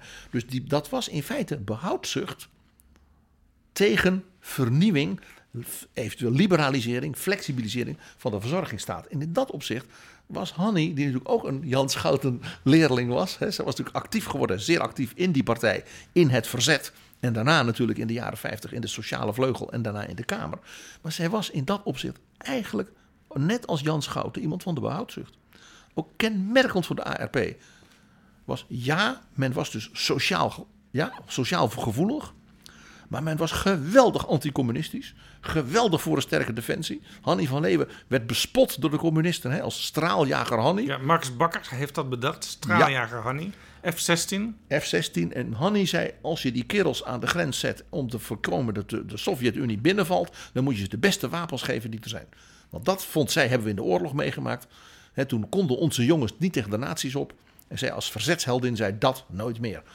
Dus, die, dus ook daarin alles behalve zeg maar, links. In de zin van progressief, in de zin van paars ook. Dus wat dat betreft... Overigens, paars, dat heb ik ook nooit begrepen, was de kleur van de ARP. Jazeker. En ik ken natuurlijk de paarse kabinetten. Ik weet ook dat hoge bisschoppen paars als kleur hebben. Maar waarom de antirevolutionaire? Dat, dat, die kleur van de bisschop, dat is purper. Dat is, de oude, dat, is zijn de, dat is de oude koningsmantel van de Romeinse keizers. Die hebben de paus, heeft dat overgenomen. Ja, we gaan weer heel diep hè, in deze rubriek. Eh, de kleur paars is, staat voor de kleur van de lijdenstijd in de kerk. Dus deze wereld leidt aan de onvolmaaktheid. En de politiek moet ervoor zorgen dat dus de onvolmaaktheid van de mens wordt afgeremd. En dat de mens ten goede wordt geleid. maar ik ben niet heel erg gelovig. Dus die kleur paars, wat, waar, komt het, waar komt dat dan in het geloof vandaan? Dat komt dus, dat is de kleur van de lijdenstijd in de kerk. En het wit, hè, dus nu na Pasen, Ja. is de, de kleur van het kerkelijk jaar dus weer wit. Want dat is wit van de, dat, nou, dat dus de zonde door de dood van Jezus zijn weggenomen. Jawel. Nou, de ARP was dus een partij van de emancipatie van de kleine luiden. Hè, daarin dus sociaal gedreven, maar ook behoudend ja, als het ging om recht en orde, de defensie, het gezin, eh, ondersteuning van scholen, de, de VU, dat, dat christelijk onderwijs, dat, dat aanjagen dat mensen hun best doen, dat je leert, dat je ijverig bent, dat je je talenten ja, ontwikkelt. Ja. Eh, dat die typische Calvinistische geest. En waarschijnlijk ook heel erg voor kinderbijslag. Tuurlijk. En ook voor fiscale bevoordeling van gezinnen, grotere gezinnen. En vooral de zorg dat een vader voldoende geld heeft, zodat hij in zijn eentje het gezin kan onderhouden. Kostwinners waren een echt ARP-ding. Ja, je hoort dit nu soms nog een beetje terug. Meer dan bij het CDA, bij de ChristenUnie, als het gaat om eh, onderhandelingen over nieuwe regeerakkoorden. De ChristenUnie eh, ontleent natuurlijk veel van zijn, zijn ideologie aan, eh, laat ik zeggen, de, de, de, de, de, de antirevolutionaire stroming. Dat is onmiskenbaar. Dat is onmiskenbaar. De, bij de SGP ook veel in de, in de, de, ik zeg maar de cultuur. Die mannen in, in, in driedelig pak en, en dergelijke. De partijcongressen van de SGP doen nog wel een beetje denken aan zeg maar, de tijd van Jan Schouten. Ja, het, kortom, uh, Jaap, uh, het is een partij met een rijke historie. Die dus voor heel veel bijzondere mensen ook heeft gezorgd. Hè. Een Kuiper, een Jelle Zijlstra. Ook een Jan-Peter Balken. En de, maar ook een, een Barend Biesheuvel. En natuurlijk heel onlangs toch zeer zichtbaar in het CDA. Rut Peetoom. Typisch ook iemand uit die wereld. ja, en met zijn eigenaardige dingen. Ik had het al over die wat droge humor van, een, van Piet Hein Donder. Die kenmerkend daarvoor is. En ja, we hadden het al even over de korenwijn. Uh, de ARP is de oorzaak geweest van de wel meest legendarische kabinetscrisis uh, in de Nederlandse politieke geschiedenis. De zogenaamde Genevercrisis. De Genevercrisis. Het kabinet De Kwaai, begin jaren 60, uh, had geld over. Want het ging met die economie dankzij het herstel en dankzij de Europese samenwerking ging het zo goed met Nederland ineens weer dat men geld over had. En er was natuurlijk ook nog steeds door de oorlog en door de, de overstromingen in Zeeland uh, heel veel woningnood. Heel veel jonge gezinnen hè, met kindertjes en die hadden geen huis. Dus er moesten meer woningen worden gebouwd. En minister Zijlstra, Jelle Zijlstra, ARP van Financiën, had dus een groot woningbouwprogramma. 120.000 extra woningen. Dus kortom, zelfs de linkse partijen konden niet zeggen dat hij niks deed. Maar de ARP wou meer. Want de gezinnen moesten, hè, dat hoor je wat ik al zei net, hè, gezinnen moesten een huiswoonhoofd hebben, dan kon je trouwen en dan konden er kindertjes komen. Dus de ARP vroeg aan de minister, kunt u niet nog 10.000 woningen extra doen? Als er nog een extra bijl maar meer, zal ik maar zeggen. En Zijlstra zei nee. Echt, ook voor typisch ARP, hè, dat koppige, dat stoere ook tegen elkaar in dus dezelfde de eigen partij. fractie en de eigen minister stonden tegenover elkaar. En Zijlstra, eerste termijn, tweede termijn. En hij zei, ik heb het voorgerekend, die 10.000, het geld is er niet. Hè, en anders krijgt uh, Hanny van Leeuwen niet die extra straaljagers. Hè. Zo gaat zo'n Kamerdebat. Nou, dus er werd geschorst en iedereen wist, de ARP-fractie gaat nu vergaderen. En daar gaan de zeeën hoog. En uiteindelijk zijn ze loyaal. Zo hoort het. Zo hoort het. Maar. En de journalisten, jouw, voorgangers in die tijd, Jaap Jansen, liepen in het Kamergebouw. Henri Vaas, hè, dat soort mensen. En die zagen de bladen met bitterballen en hapjes naar de verschillende fractievergaderingen gaan in afwachting tot. En die zagen een blad gaan met korenwijn. En een half uur later weer een blad met korenwijn. En niet lang daarna een volgende blad met korenwijn, allemaal naar de AR-fractie. En de AR-fractie had dus niet veel gegeten. En die dronk zich moed in. En die hebben dus na de vergadering kenbaar gemaakt dat ze geen genoegen ermee namen. En toen heeft het kabinet de kwaai gezegd: dan stappen we op.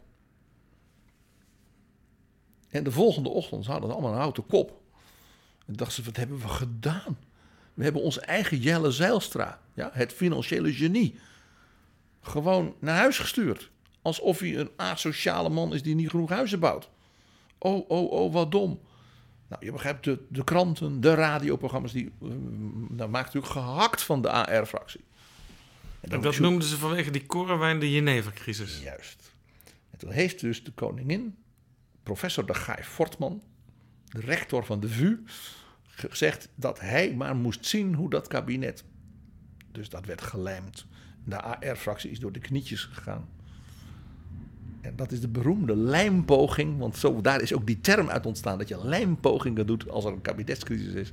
En het was dus om ze te straffen, de rector van de VU, professor de Guy Fortman, die en, dit moest doen. En daar komt ook nog het liedje van Wim Kan vandaan, hè? Lijmen Jan, lijmen met z'n allen. En Jan is dan weer Jan de Kwaai, de leider van dat kabinet. De KVP-premier, die ook echt niet wist wat hem overkwam die nacht. En nou ineens met die paar ongelukkige huizen. Ik zou elke keer zou ik tegen ze willen zeggen. Het ging net zo lekker Jan, trek je er niks van aan. Wanneer de halve Tweede Kamer roept van weg die man. Niet overhaasten Jan, je kan toch lijmen, man. Met de Guy Fortman zie je er nieuwjaarsdag geen barst meer van. Lijmen, Jan, lijmen, Jan, lijmen met z'n allen. Lijmen tot je niet meer kan en dan maar carnaval. Lijmen, Jan, lijmen, Jan, lijmen met z'n allen. Lijmen tot je niet meer kan en dan maar carnaval. Als we willen dat de zaak gelijmd wordt, dan moeten we het meezingen. Tenminste, als ze barsten, laat ze nou niet barsten. Want als ze barsten, wie weet wie je dan krijgt. Ja, nee, de Guy Fortman moest als informateur de zaak lijmen. En die arme premier, die, ja, die was dus een beetje een soort speelbal van het gedoe binnen de ARP. En daar zag je dus ook weer, wat, wat, wat ik eerder beschreef, dat stoere, dat koppige, die kerels die met elkaar, hè, dat mes dat eens per jaar hè, door de tafellaken ging, zoals Jan de Koning het zo prachtig beschreef. En je zag dus ook dat die partij uh, hier op het toppunt van zijn macht was. Hoewel het aantal zetels in de Tweede Kamer nooit veel groter is geweest dan, ik geloof, 13. Hè? Ja, 13, 14, 15. Een keer met Zijlstra, een keer 15. Ja, dus relatief nou ja, middelgrote partij zouden we tegenwoordig zeggen. Zoals nu tegenwoordig de meeste partijen ongeveer 15, misschien iets meer zetels hebben. Uh, maar heel, heel dominant aanwezig in het politieke landschap. Ook door de, dus de grote persoonlijkheden en de, die krachtige organisatie, dat intellectuele, ja, zeer door, door dat hecht doortimmerde. Uh, Jaap, kijk bij zo'n gereformeerde partij die al 140 jaar oud is, dan begrijp je dat het zelfs mij niet lukt om daar een passend operafragment bij te vinden. Maar ik heb iets anders. In de traditie van de ARP was het zo dat als bij de VU een hoogleraar bijvoorbeeld een oratie hield, of op het partijcongres een minister of een fractievoorzitter een toespraak hield waarvan men vond dat was een voortreffelijk verhaal. Dat had de mensen geïnspireerd, dat had de mensen weer ja, strijdlust gegeven voor de politiek. Wat deed men dan? Daar ging de zaal staan. En dan zong men spontaan Psalm 134. Dat Heren zegen op u daal, dat Sions gunst op u, u bestraal. En dat was dus dan, werd zo iemand dus toegezongen dat men hoopte dat God hem zou blijven inspireren. En dat zong men dan dus als, als man en macht. En dat heette dus bij hoogleraren, als je dat lukte met jouw oratie, dat de studenten dat deden, een daaltje halen. Vanwege dat daal uit Serenzegen op uw daal. Juist. En een mooier compliment kon je dus eigenlijk niet krijgen. Nee. De hele zaal stond op en barstte uit in dat lied. Zullen we dat dan even, eigenlijk ook als hommage aan deze partij en, zijn, en de bijzondere mensen die ze toch al meer dan een eeuw ons land heeft gegund, horen. En daar sluiten we dan ook mee af. Dankjewel, PG.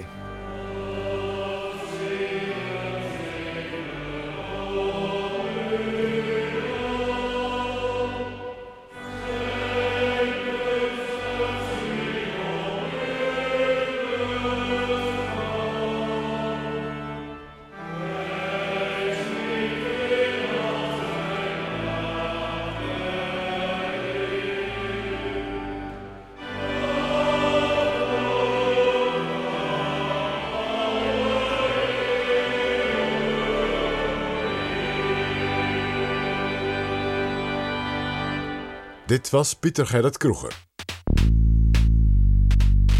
Dit is Betrouwbare Bronnen met Jaap Jansen. Ik ga praten met Lodewijk Asscher, fractieleider in de Tweede Kamer en politiek leider van de Partij van de Arbeid. Welkom in Betrouwbare Bronnen, Lodewijk Asscher. Dankjewel. U publiceerde vorige week een boek dat heet Opstaan in het Lloyd Hotel. Het is een bestseller. Ja, het is fantastisch. Heel, heel erg leuk. Mensen gaan het daadwerkelijk lezen. Ik krijg ook hele ontroerende reacties van mensen. En ik hoorde van de uitgever dat het, uh, dat het is uitverkocht. Uh, een oplage van 5000. Dus die is nu als een gek aan het bijdrukken. Heel bijzonder. Dat boek heet Opstaan in het Lloyd Hotel. Dat hotel is vlakbij uw huis. Handig om af te spreken en ook een prettige plek voor u om rustig na te denken. Schrijft u in het boek en u slaapt er ook wel eens. Nou, ik heb er eigenlijk nog nooit overnacht, moet ik heel eerlijk bekennen. Ik heb er wel een aantal keer een paar uur geslapen. In de, de allerdrukste periode van de Tweede Kamercampagne 2017. Je moet je voorstellen, dan ben je echt van, van s ochtends vroeg uh, voor dag en dauw uh, tot s'avonds heel laat aan het werk. Uh, naar de televisiestudio's, naar de grote debatten, tussendoor campagnebijeenkomsten. En we hadden een beetje als hoofdkwartier dat hotel. En onze campagneleider die, die had daar soms ook een kamer. En dan een enkel keertje mocht ik even een paar uur op zo'n heerlijk wit gesteven bed een beetje bijkomen. En als ik het goed heb, is in dat hotel ook besloten om richting de Tweede Kamerverkiezingen 2017 de strijd aan te gaan met Diederik Samson. Nou, is niet in dat hotel uh, besloten. Ik beschrijf wel in het boek een scène die zich afspeelt op het terras van dat hotel. Uh, waar we in, in juni uh, 2016 zitten we dan bij elkaar met, met wat dan de partijtop genoemd mag worden. Dus Hans Spekman, de voorzitter. Jeroen Dijsselbloem, minister van Financiën en voorzitter van de Eurogroep. Diederik Samsom, de fractieleider en de politiek leider en ik, op dat moment uh, vicepremier en minister van Sociale Zaken. En we hadden een gesprek over, jongens, we hebben nu van alles geprobeerd, uh, maar het blijft maar slecht gaan in de peilingen. En we hadden heel lang gedacht, op het moment dat het beter gaat met de economie, zou dat misschien helpen. Of toen ging het beter met de economie, veranderde niks, als de werkgelegenheid aantrekt. En toen in 2016 zaten we eigenlijk op het punt van, ja, wat, wat, hoe gaan we dan nu verder? En toen kwam, was de conclusie, eerder al bij Diederik Samson, we moeten een lijsttrekkersstrijd gaan organiseren intern. Ja, Diederik had dat idee al, al eerder wel eens geopperd uh, tegen mij. eh, Vanuit zijn gedachte om een nieuw mandaat te verkrijgen. Hij zei eigenlijk letterlijk: Ik heb mijn mandaat opgebruikt. Uh, de kiezers zijn, zijn kritisch over ons. Dus ik zal van de leden nieuwe steun moeten verwerven om nog een keer lijsttrekker te kunnen worden. En dat is natuurlijk wel een, een origineel idee. Uh, hij was natuurlijk gekozen in 2012 bij zo'n open lijsttrekkersverkiezing. Toen tegen Ronald Plasterk, Martijn van Dam, Lut Jacobi en Nebat Albayrak. Dat was toen een geweldige ervaring. Het was een soort feest waarbij ze uh, met die vijf het land doorgingen. Vrolijke debatten, heel veel aandacht. Ja, en eerder is Wouter Bos ook wel eens op die manier de leider geworden. Ja, zei dat dat nooit een hele spannende uh, lijsttrekkersverkiezing was. Uh, zonder iets af te doen aan zijn toenmalige tegenstander Jouke de Vries. Uh, en Jootje van Nieuwhoven, maar die deed het ook een beetje plichtmatig. In 2012 was het heel goed gegaan. Alleen toen was de Partij van de Arbeid een oppositiepartij. En waren er, dacht men, geen landelijke verkiezingen op komst. Uh, toen zat Rutte 1, uh, het, het PVV-vehikel zat er nog. En dat bleek heel anders te zijn dan de lijsttrekkersverkiezingen in 2016. Ja, in die, in die zin dat er toen waarschijnlijk veel een veel grotere behoefte was aan andere leiders. Nou, was, het was open. Hè. Job Cohen was teruggetreden, dus het was niet de een tegen de ander. Uh, iedereen vond het heel leuk. Uh, er was, het was ook makkelijk, want de Partij van de Arbeid kwam uit de oppositie. En er was veel positieve aandacht, omdat er verder niet zo heel veel gebeurde op dat moment. In 2016 was het anders. Uiteindelijk waren er geen andere kandidaten te vinden uh, dan Diederik en ik. Toen ik uiteindelijk besloot om mee te doen. Jacques Monash mocht niet meedoen, wilde niet meedoen. Gerard Bosman deed hij mee. Dus stonden we met z'n tweeën. En dat was waanzinnig ongemakkelijk, want ja, we hadden al die jaren dat samen gedaan. Bovendien uh, zat de PvdA in heel moeilijk vaarwater, want we stonden er vreselijk slecht voor. En waren de landelijke verkiezingen op komst, dus was iedereen sowieso wel wat kritischer.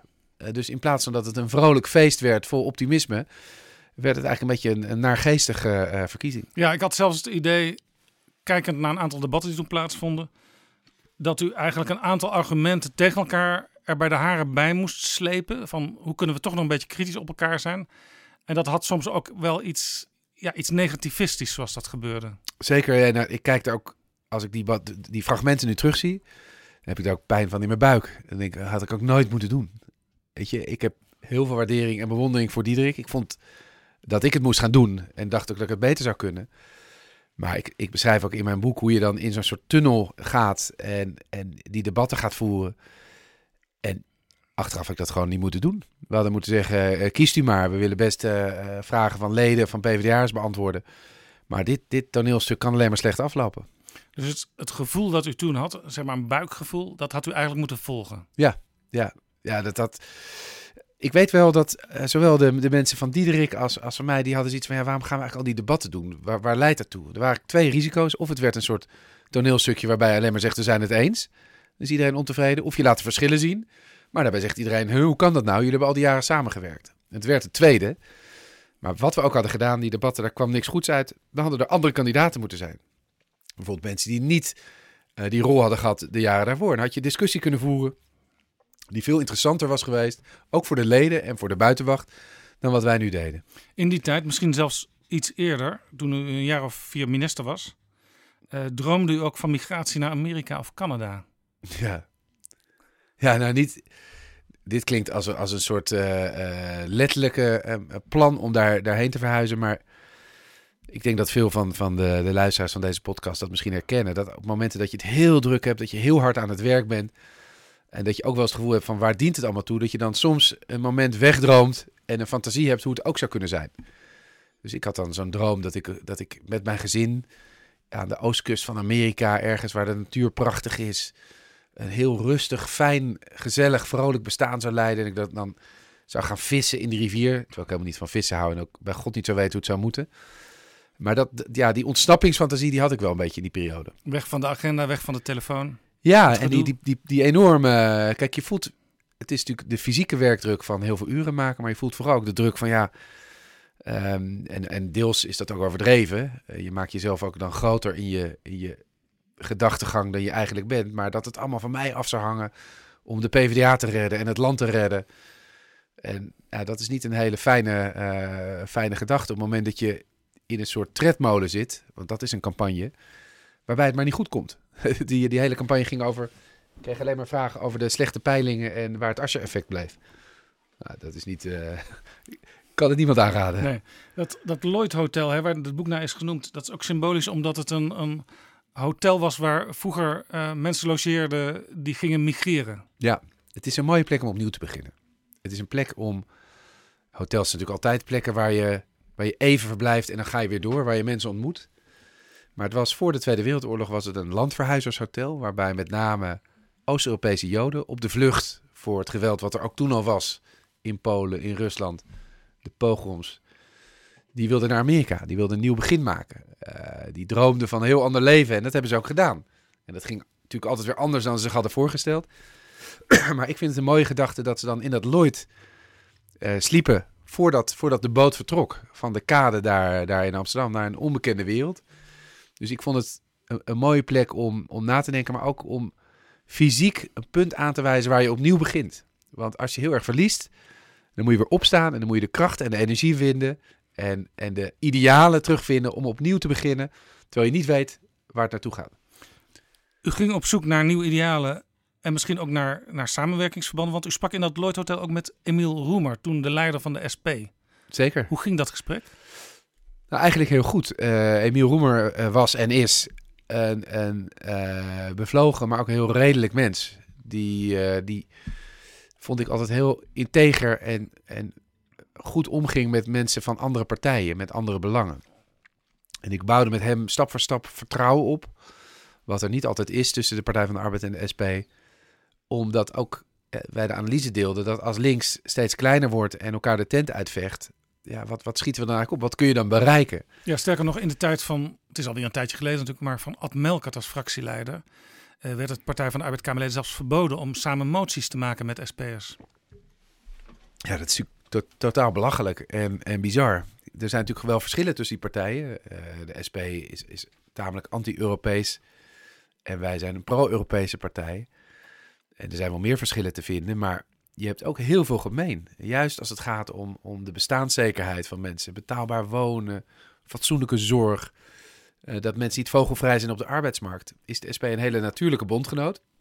En vond ik het eigenlijk zonde dat we meer bezig waren uh, elkaar te bestrijden, de, de splinter in elkaars oog te zien dan de balk in het oog van rechts.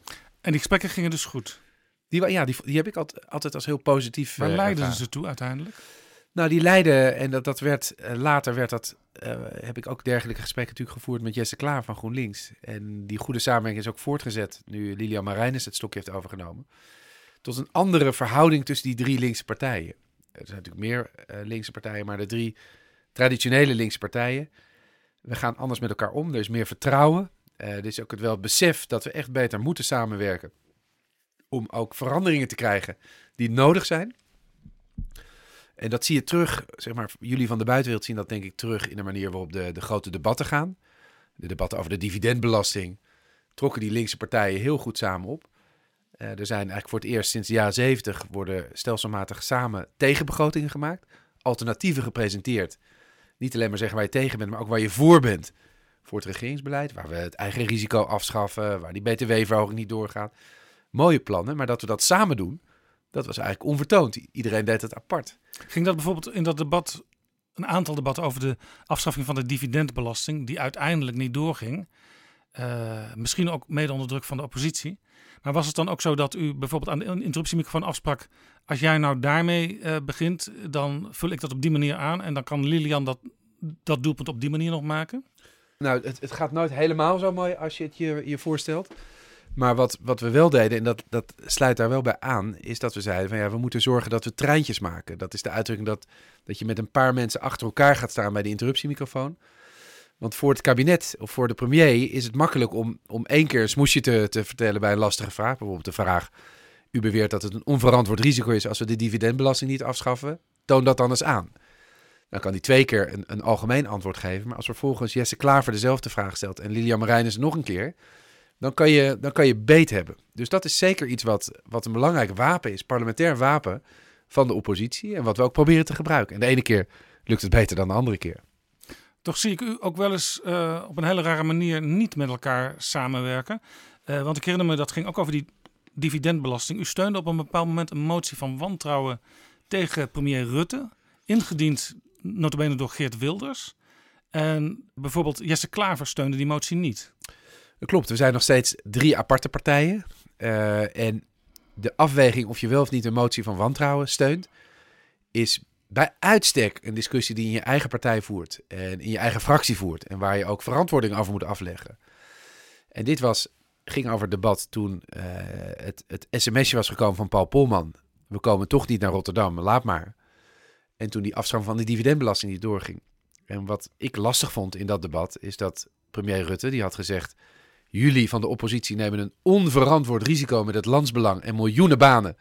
als jullie mij niet steunen in het afschaffen van de dividendbelasting. Dus ik vroeg de premier, misschien is het dan nu wel aardig om daar wat op terug te nemen. Want nu schrap je zelf die maatregel. En dat weigerde hij. Ik heb toen gezegd, uiteindelijk is het wel belangrijk, oppositie of coalitie, dat als de premier zegt, het landsbelang loopt hier een onverantwoord risico, dat ze dat wel serieus nemen. Of dat iemand het ook maar een beetje geloofwaardig vindt. Dat, is, dat, dat moet wat betekenen. Dat zijn hele grote woorden in het parlement. Hij wilde daar niks van terugnemen. Hij zat vast in zijn, in zijn eigen uh, verhaal. En dat was voor ons op dat moment uh, niet acceptabel. Want ik vind, als je het parlement hoog hebt, dan kun je niet als parlement zeggen: Nou ja, oké, de premier zegt dat, blijkt niet zo te zijn, laat maar. Tegelijkertijd respecteer ik het dat andere partijen daar een andere afweging kunnen maken. De SP steunde die motie ook, GroenLinks niet. En krijgt u dan ook in eigen kring te horen van... is het nou wel verstandig om... Uh, Oké, Partij van de Arbeid steunt zo'n motie, maar het is wel een motie ingediend door Geert Wilders. Ja, nou we hebben in de vorige periode was dat, was dat eigenlijk een taboe. Omdat na de minder-minder uitspraak van Wilders er zo'n uh, behoefte was om duidelijk te maken dat we voor een hele andere politiek staan. Uh, dat er toen een soort, soort oekase was dat dat niet gebeurde. In deze periode heb ik aangegeven, ik wil Geert Wilders in het debat bestrijden. Uh, door, door aan te geven voor welke waarden wij staan en die niet onderhandelbaar zijn. En ook ja, om zijn oren te slaan met al die uitspraken die niet deugen. Maar ik vind het eigenlijk uh, voor ons in deze democratie niet verstandig als je tegen moties bent als, waar je eigenlijk voor bent. En dat was ook in die vorige periode al een keer voorgekomen. Toen ging het over extra geld voor de verpleeghuizen. Dat was een motie van Fleur Agema van de PVV. Daar heeft de Partij van de Arbeid toen ook al voor gestemd. Want dat is precies wat wij wilden. Dus ik vind je moet onderscheid maken tussen de, de dingen die je nou, met hart en ziel bestrijdt. En de dingen waar je soms op andere onderdelen of procedurele onderwerpen kan samenwerken. Ik heb ook uh, met Wilders samen uh, stennis gemaakt toen de VVD, toen Klaas Dijkhoff niet verscheen bij een belangrijk debat over het klimaat. En je moet ook als oppositie procedureel kunnen samenwerken. Uw zoektocht naar een koers. U nodigde op een bepaald moment Jeremy Corbyn uit in Den Haag. Dat was op een hele mooie uh, locatie. Ja. Het, het Haags Museum. Dat was Jeremy Corbyn. Hij had een verhaal over uh, belastingontwijking, belastingontduiking. Waar u het heel erg mee eens kon zijn. Maar ik kan me voorstellen dat u niet altijd blij bent met zoals Jeremy Corbyn zijn partij aanvoert. Nee, uh, kijk, daar zie je dat het Engeland natuurlijk een heel ander systeem heeft. Hè? Waar we hier, we hadden het al over de drie linkse partijen, maar we hebben ook nog de Partij voor de Dieren. We hebben 50PLUS die op sommige onderwerpen links is. Uh, we hebben D66 die op sommige onderwerpen progressief is. In zo'n twee-partijenstelsel uh, zit eigenlijk van de SP tot een deel van D66 in één partij. En op dit moment is dat bij Labour. Uh, Corbyn is meer een SP achtige politicus. Ja, want het aardige was, ik zag op die bijeenkomst ook Ron Meijer, de voorzitter van de SP, in de zaal.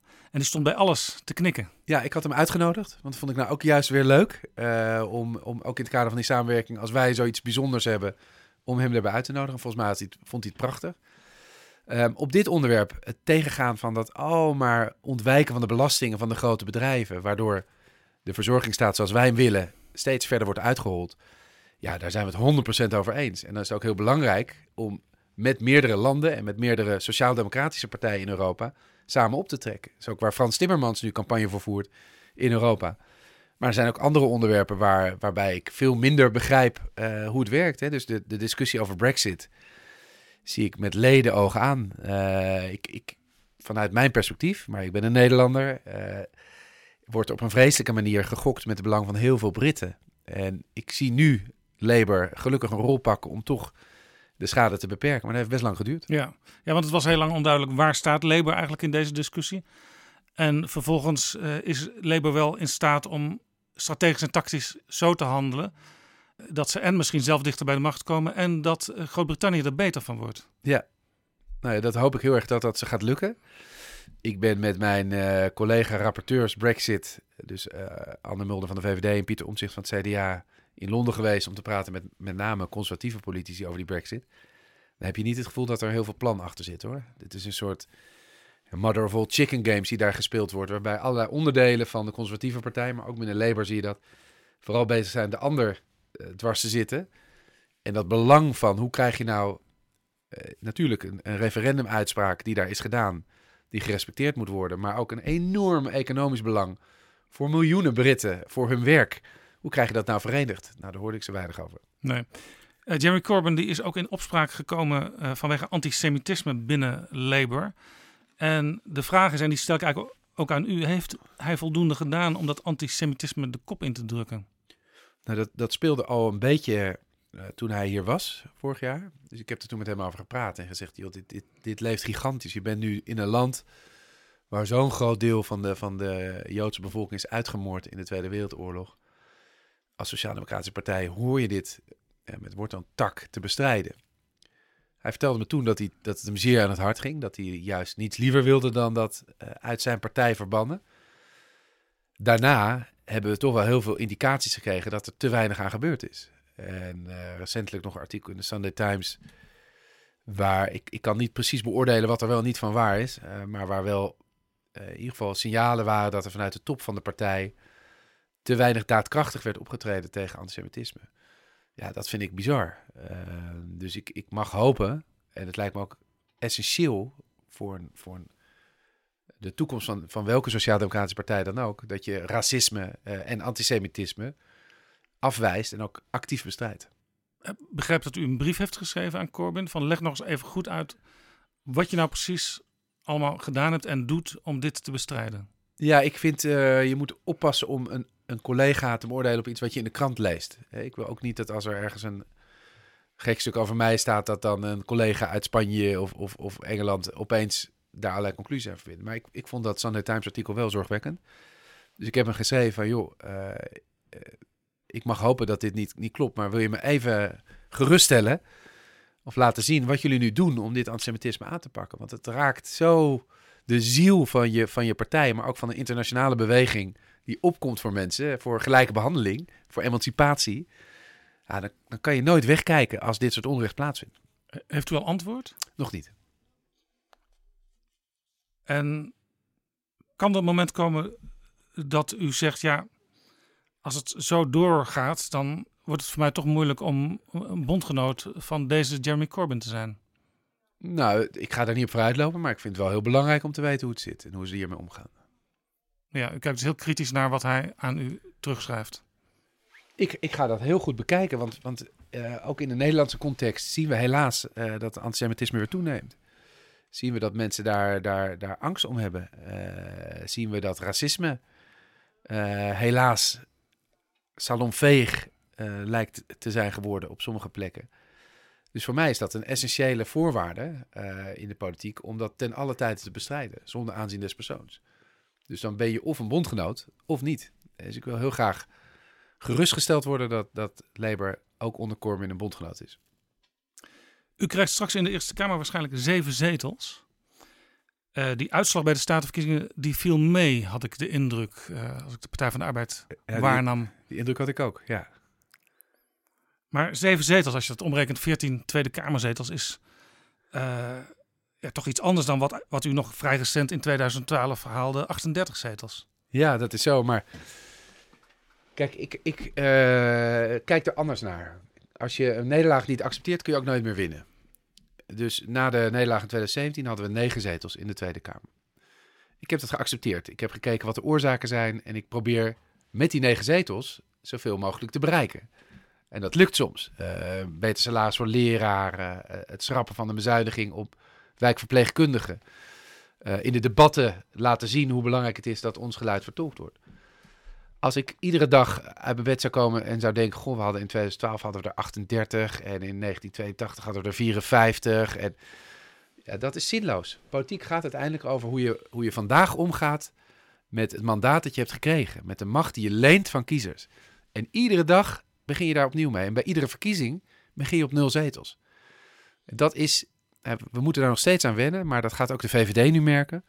Automatische grote partijen, dat is waar allemaal. Het bestaat niet meer. Iedere partij, zelfs de SGP kon verliezen, bleek nu bij de, de laatste statenverkiezing. En juist vanuit de Partij van de Arbeid hebben wij daar heel erg voor gekozen om niet op zoek te gaan naar één doelgroep of uh, uh, te proberen te forceren in, in zo snel mogelijk. Nee, we zijn juist teruggegaan naar onze roots, naar onze idealen. En vertellen ons sociaal-democratisch verhaal met trots en opgewekt. En dan zie je dat sinds 2017, toen we 5,5% van de stemmen haalden. Bij de gemeenteraadsverkiezingen was dat 7,5%. En bij de staatsverkiezingen was dat 8,5%. Ik ben die kiezers zielsdankbaar. En al helemaal nu ze ons in de positie lijken te hebben gebracht. om ook door die, uh, die gekke positie in de Eerste Kamer. ook heel veel te kunnen proberen te bereiken. Ja, dus u moet eigenlijk ook voor eigen psyche het idee hebben van: ik ben weer from scratch begonnen. En elke zetel erbij is winst. Dan sluiten we de, de maand uh, met een mooi saldo af. En we hopen dat volgende maand nog weer een zetel erbij komt. Nou, en, en nog iets uh, sterker, zonder zweverig te willen klinken of New Age of zo ik wens mezelf ook niet af te rekenen op de, het, het zetelpeiling saldo aan het einde van de maand. Want daar vind ik politiek te belangrijk voor. En ik weet dat je stemmen nodig hebt, dat je mandaat nodig hebt, dat je moet winnen om macht uit te kunnen oefenen. Maar het gaat uiteindelijk om wat je daarmee bereikt. En ik wil juist de lichtheid die er ook kan zijn als je heel veel verliest. Want alle de, de, de politieke statussymbolen zijn weg. Je zit op een andere plek in de Kamer. Er is geen dienstauto, er is geen heel gevolg. We hebben een kleine organisatie. Maar de kracht van idealen... Geen bondkraag meer. Geen bondkraag, precies. De, de, de uitdrukking voor de, voor de vele persoonlijke medewerkers die, uh, die je ziet bij de leiders van de grote partijen. Maar daar staat iets tegenover, namelijk dat je ook geen bal meer van hoeft aan te trekken. Dat ik kan zeggen wat ik vind, uh, wat ik geloof. Dat ik eerlijk kan zijn over de dingen die ik fout doe. Dat we als Partij van de Arbeid met trots en vrolijk ons verhaal kunnen uitdragen. En ik ga dat niet laten verpesten door iedere maand te denken: hé, hey, plus één of min één ik voel heel goed of kiezers begrijpen wat we doen. Ik zie dat we langzaam maar zeker groeien. Daar dat koester ik. Maar ik ga me niet zeg maar, het belang van onze beweging voor Nederland en voor onze gezamenlijke toekomst laten afhangen van een soort ja, scorebordpolitiek. Uh, we gaan het zo hebben over die uh, inhoudelijke punten waar u mee bezig bent. Uh, maar toch nog even, u sprak eh, eerder in dit gesprek over de goede samenwerking die er nu is met GroenLinks en SP. In ieder geval in de basis zou je dan toch niet, maar dan een keer echt serieus, moeten nadenken over samenwerking die zo innig wordt dat je op een gegeven moment zelfs misschien een gezamenlijke lijst gaat indienen. Want als je de zetels bij elkaar optelt en dan misschien nog wat extra plus bijkomt dat mensen enthousiast zijn, dan ben je meteen de grootste partij. Ja, nou, ik, dat is geen gekke vraag. Uh, ik denk dat we bij volgende Kamerverkiezingen moeten om tafel om te kijken hoe je een aantrekkelijk alternatief vormt je kunt veel krachtiger zijn als je heel veel idealisten verenigt. Binnen en buiten de politiek.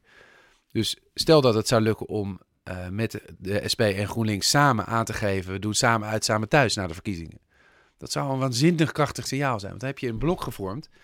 En dan moet, moet een rechtse partij of twee rechtse partijen bij een links- en progressief blok. Heel anders dan dat je, zoals nu D66 overkomt, semi-linkse partij, natuurlijk uh, rechts, economisch, maar op andere punten vaak progressief die in hun eentje in een, in een rechts motorblok terecht zijn gekomen. Dat is ook geprobeerd. Hè? Uh, Samsom die heeft uh, met Bram van Ooyk gesproken uh, in de richting van de verkiezing van 2017. Ja. Voor die lijsttrekkersstrijd in de Partij van de Arbeid. En Van Ooyek voelde daar wel voor. Maar uiteindelijk was toch het idee aan de kant van GroenLinks. Ja, het gaat nu zo goed met ons. wij willen dit ook weer nu niet afstaan. Dat is natuurlijk het probleem altijd bij welke samenwerking dan ook. Zelfs in de jaren 70 werd er al gesproken over progressieve samenwerking. Ja, er is er altijd wel eentje die het heel goed doet. En die dus uiteindelijk vaak wat minder zin heeft om, om, echt, om echt te gaan samenwerken. Ja, maar dat, ik, beschrijf ook in het boek hoe dat ging. En ik, ik vond het wel begrijpelijk in de, in de situatie als hij er toen was. Uh, het enige wat nu denk ik anders is, is dat je nu met de drie linkse partijen in de oppositie zit. Dat we ook uh, samenwerken aan een, aan een alternatief verhaal. En ik denk dat met die drie partijen afzonderlijk, als je duidelijk maakt dat je, dat je het samen gaat doen na de verkiezingen, dat je wel degelijk een wervend alternatief kan gaan schetsen. Maar we zullen het moeten, moeten afwachten. dit soort dingen spreken nooit vanzelf. Het is hoe dan ook belangrijk dat je, uh, dat je zelf ook aan kracht wint. De, de linkse partijen als geheel, uh, die moeten echt weer gaan groeien. Die moeten echt weer vlees op de potten krijgen om, om de samenleving ook te kunnen veranderen. Ja, moest Anders krijg je alleen maar vervolgend zeg maar, nieuwe teleurstellingen. Het moest eigenlijk een dubbele strategie zijn. En als Partij van de Arbeid groeien. En als linksblok als geheel. Ja. Dus ook eigenlijk niet cannibaliseren op elkaar. Exact. Vorige week... Uh, Heel graag, als dat zou kunnen. Afgelopen week had ik een uh, special over Max van Wezel. En een van mijn gasten was Khadija Ariep, de Kamervoorzitter, maar ook lid van uw partij, van uw fractie. En ik legde haar voor dat Max van Wezel regeren van de Partij van de Arbeid met de VVD en Rutte 2 eigenlijk helemaal niks vond. Gaas noemde hij dat, ja. Ja. Hij heeft er ongetwijfeld met u ook wel over gesproken in die tijd of na die tijd. En Khadija Ariep zegt, ja, eigenlijk ben ik dat achteraf wel met hem eens. Het, het vorige kabinet, hè, Rutte 2, Partij van de Arbeid samen met eh, de VVD. Dat vond hij helemaal niks. Ja, daar had hij gewoon heel veel moeite mee. En ergens had hij ook wel gelijk, achteraf gezien. Uh, er zijn, uh, de PvdA is toen um, ja, met, met de VVD gaan regeren. En de PvdA is altijd ook een bestuurderspartij geweest. Die neemt ook altijd verantwoordelijkheid. Uh, dat hebben ze ook gedaan en uh, ook besluiten genomen die pijnlijk waren. Als we nu over de zorg spreken of over toen beschut werkplekken en mantelzorg. En ja, daar heeft de PvdA ook uh, een verantwoordelijkheid in gehad. En het idee van mensen als Diederik Samsom was: wij leggen dat aan de kiezers wel uit bij de volgende verkiezingen. Ja, maar zo werkt het niet.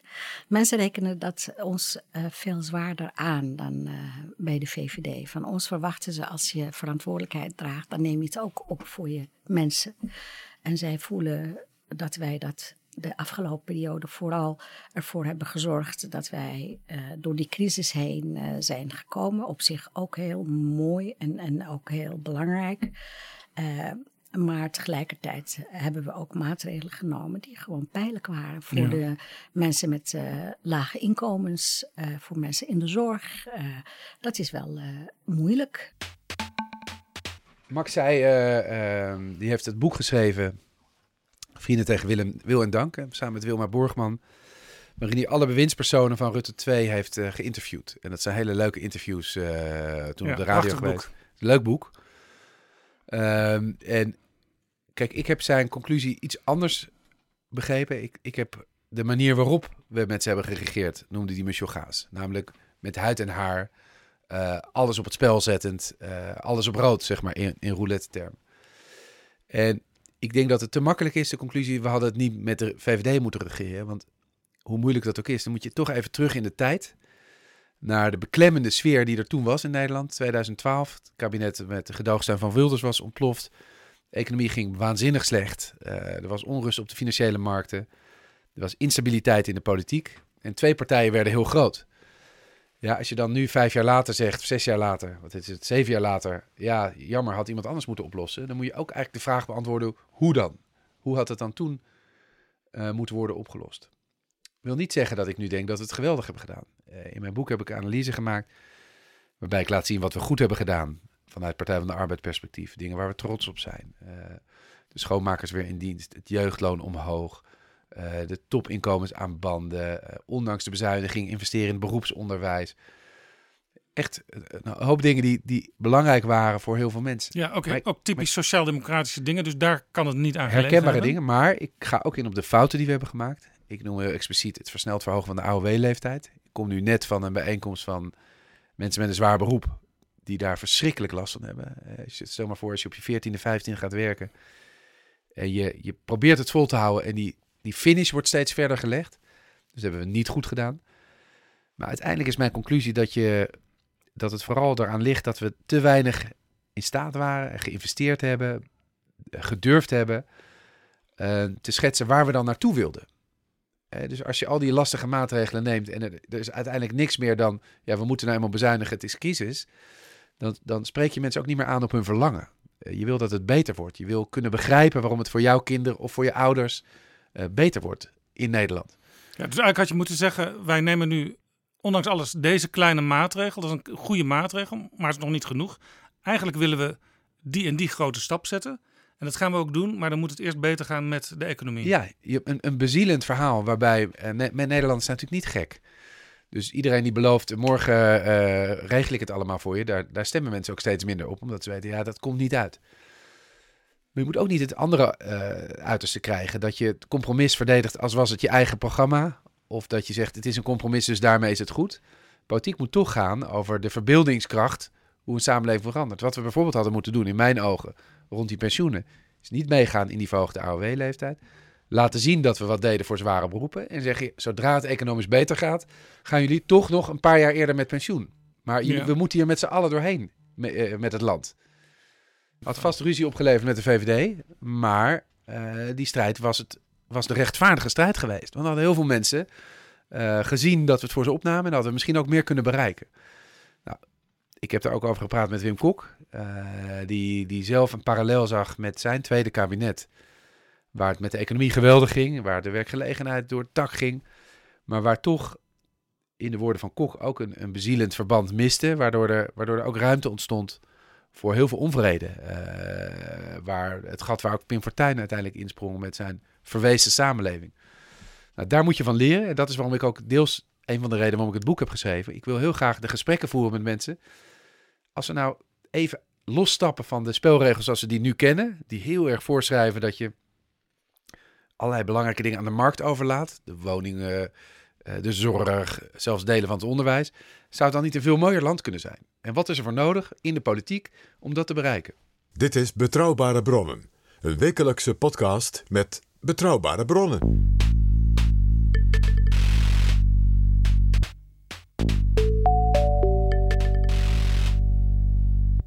Ik zie in de politiek op, eigenlijk op een breed front dat leiders, uh, je ziet het ook bij Klaas Dijkhoff, die nu een, een visiestuk voor de VVD heeft geschreven. Je ziet het ook in bepaalde uitspraken van Wopke Hoekstra, uh, Rob Jetten, anderen. Ja, dat er toch een, een iets meer socialere inkleuring nu lijkt te komen van het beleid van welke partij dan ook. Zelfs Henk Otte van de Vorm voor Democratie. Uh, die zegt we moeten niet meer allemaal die rare uh, Thierry Baudet dingen benadrukken, maar gewoon voor hardwerkende mensen de goede dingen doen. Dus... Henk Otte is gewoon rechts hoor. Die wil vooral de minder belastingen betalen en, en de kleine overheid. Maar, dat ben ik met je eens, er is iets aan het veranderen in de tijdgeest. Uh, ik denk dat... Ja, Dijkhoff bijvoorbeeld heeft echt kritiek nu op Zeker. grote bedrijven. En dat is nieuw bij de VVD. Dat is ook fascinerend. Hè, want we hebben ze twee jaar uh, de dividendbelasting en de winstbelasting horen verdedigen als essentieel voor de Nederlandse samenleving. En opeens is alsof Dijkhoff mijn spreektekst heeft uh, gevonden en praat over dat die multinationals meer belasting moeten betalen. En dat ze niet moeten gaan graaien en dat ze zich verantwoordelijker moeten voelen voor de samenleving. Daar is dus iets heel interessants aan de gang. En breder ben ik ook met je eens, voel je, voel je ook op andere plekken in de samenleving dat iedereen wel klaar is met het neoliberale verhaal. Omdat we zien dat de markt het niet altijd beter doet. Omdat je ziet dat er geen betaalbare woning meer te krijgen is. Omdat je voelt dat de zorg niet beter wordt als je artsen de hele tijd laat concurreren. Dus er is een kentering. En dat biedt geweldige kansen. Ja, u, u, u, had het net over Wim Kok. Uh, dat hij ook wel bepaalde dingen minder goed gezien had, uh, zei hij in het gesprek met u. Uh, dat woord neoliberaal is eigenlijk een soort scheldwoord. Hè, want er zijn maar een paar boeken waar echt in beschreven staat wat nou neoliberaal precies is. Dat zijn meestal boeken van hele uh, linkse auteurs. Maar zou je kunnen zeggen dat de Partij van de Arbeid sinds 94, dus Paars 1 toch te veel die neoliberale kant in is gegaan. Wim Kok was een groot staatsman. En die, die stond voor een opdracht na de massawerkloosheid en de bezuinigingen uit de jaren 80 om twee dingen te bereiken. Een progressieve doorbraak, uh, abortus goed regelen, euthanasie goed regelen. Heel veel dingen die altijd in de taboesfeer zaten omdat de CDA bestuurde. En twee, werk, werk, werk. Uh, als Timmermans zoon essentieel. En dat heeft hij ook waargemaakt. Uh, dus is nog steeds iemand waar mensen met veel weemoed aan terugdenken. Maar het had ook een prijs. En hij zei er zelf over dat hij, zeker in zijn tweede kabinet, de ideologische veren, die wilde hij vervangen door nieuwe. Uh, maar dat kwam er onvoldoende van, al regerenderwijs. En dat leverde een kwetsbaarheid op, niet alleen in Nederland, maar dat zag je op heel veel plekken in, in Europa, um, die, die, die we voelen. Ja, want, maar, maar, eigenlijk gebeurde dus in Nederland hetzelfde met Kok, wat in Amerika met Clinton gebeurde, in uh, Groot-Brittannië met Blair. Progressieven waren er heel enthousiast over. Maar later kwamen er toch vraagtekens. Ja, ik denk dat dat waar is. Ik denk dat het, uh, als je recht doet aan de geschiedenis, zijn een aantal dingen geweldig goed gegaan. Maar is het geloof in de marktwerking, uh, wat toen alomtegenwoordig was, ja, dat is perfect voor uh, mobiele telefoons en voor, voor koekjes. Maar niet voor dingen die eigenlijk in het publieke domein horen. En, en die les, ik kwam zeg maar een staartje ervan nog tegen in 2006 was ik net wethouder geworden in Amsterdam en lokale burgemeester. En toen wilde het toenmalig kabinet, Balkenende, wilde nog even Schiphol naar de beurs. Dan kreeg ik te maken met Gerrit Salm, toen elf jaar minister van Financiën, gelauwerde, uh, zeer populair, extreem machtig. En die zag het echt als zijn persoonlijke missie om Schiphol naar de beurs te brengen. En ik begreep daar helemaal niks van, want ik zag de belangen voor werkgelegenheid. Maar ik zag ook hoe gevoelig het altijd was met omwonenden, met milieubelasting. Ja, en Schiphol was ook deels voor een klein percentage eigendom van de gemeente Amsterdam. Exact. We hadden, we hadden net meer dan 20 procent. Dus u kreeg en inkomsten uit en u had greep op besluitvorming over Schiphol. We hadden zelfs een veto op het veranderen van de statuten. En om het naar de beurs te brengen, moesten de statuten veranderd worden. Dus ik, ik kon tegen Gerrit Salmak zeggen, ja, sorry, allemaal leuk, maar we doen er niet aan mee. Dat leidde tot een enorm gevecht, waar ik vooral zeg maar dat heilige geloof zo zei op een gegeven moment tegen me: Ja, maar mensen willen veel liever werken bij een beursgenoteerd bedrijf. Ik zei: Nou, ik waag dat toch te betwijfelen. Wat is daar dan zo leuk aan? Ja, je wordt meteen door de beurs beloond voor alles wat je goed doet. Ik dacht bij mezelf: Ja, dat geldt misschien voor de CEO. Maar als je daar bij de bagage werkt, dan wil je toch absoluut niet bij per se bij een beursgenoteerd bedrijf werken. Want laten we wel wezen, uh, dat geld dat kan heel snel verplaatst worden. Het levert een kwetsbaarheid op. Het, het, het zorgt dat je je meer gaat richten op korte termijn winst dan het maatschappelijk belang. U was net wethouder, jong nog. U ging naar die grote Gerrit Salm. U vroeg uw vader om advies. Wat zei hij? Het was heel spannend. Het was mijn, mijn eerste werkdag als wethouder. En ik, ik stond meteen in de agenda bij Gerrit Salm. Had hij heel slim gedaan. Hij dacht, we gaan even dat broekje gaan we even uitleggen hoe het zit. Dus ik was naar mijn vader gaan. Ik zei, joh, hoe moet ik dit aanpakken? Want ik kan niet meteen nee zeggen. Want ze zijn zoveel machtiger. Er werd ook een beetje gedreigd met het weghalen van geld voor Amsterdam. Dat er geen steun meer zou komen voor belangrijke projecten. En mijn vader zei, nou ja, wat je moet doen is eigenlijk helemaal niks. Je moet niets zeggen. Ik dat is een beetje, wordt een lastig gesprek, pap, als ik daar zit te zwijgen. Je moet niets zeggen. Het enige wat je moet zeggen is, dat vind ik heel interessant. U zult begrijpen dat ik daar even goed over wil nadenken. Ik kom daar graag op terug. Dat was een geniaal advies. Want Gerrit werd er heel nerveus van. Die dacht, ik krijg of ik krijg hem mee, of we krijgen weerstand en hebben een conflict. Ja, en die weerstand dat was eigenlijk waarmee u dacht daar naartoe te gaan. Ja, maar dit was veel beter, want, want daardoor was ik heel erg de redelijke partij. Ik kon ook zeggen, luister, ik zit hier, ik zit hier nu één dag. U zult begrijpen, meneer de minister, dat ik niet dit soort besluiten... Ik vind het heel interessant wat u allemaal vertelt, maar ik moet dat mee terugnemen. En zo won ik tijd, maar zo won ik ook uh, positie vanuit het, ja, toch het kleine Amsterdam... ten opzichte van die grote Gerrit Salm en zijn ministerie het was een heel mooi advies. Soms, soms moet je ook even je geduld bewaren. Even voor de, het beeld. Waar is te veel geprivatiseerd of verzelfstandigd wat eigenlijk achteraf gezien niet had gemoeten? Nou, waar je het heel duidelijk ziet is bij de woningmarkt. alleen het feit dat we dat nu de woningmarkt noemen, uh, in plaats van dat we praten over volkshuisvesting, uh, daar is gewoon veel te ver in doorgeschoten. Je ziet dat de corporaties uh, eerst zijn verzelfstandigd en daarna steeds verder zijn ingesnoerd. Ja, dat was eerst een sociaal idee, hè? Ook sociaal-democratisch of christendemocratisch of... Ja, samen. Uh, dat, was, dat was eigenlijk van de mensen, voor de mensen. Uh, bouwen, zorgen dat de wijk goed is. en dat is toch in, in de jaren negentig steeds verder op afstand geplaatst, steeds verder verzelfstandigd. En daarna, toen het marktdenken nog een hogere versnelling kwam, mochten ze alleen nog maar bouwen wat de markt niet deed.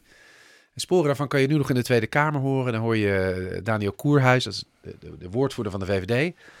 Die hoor je dan zeggen, ja, hardwerkende Nederlanders betalen voor de betaalbare woning van huurders.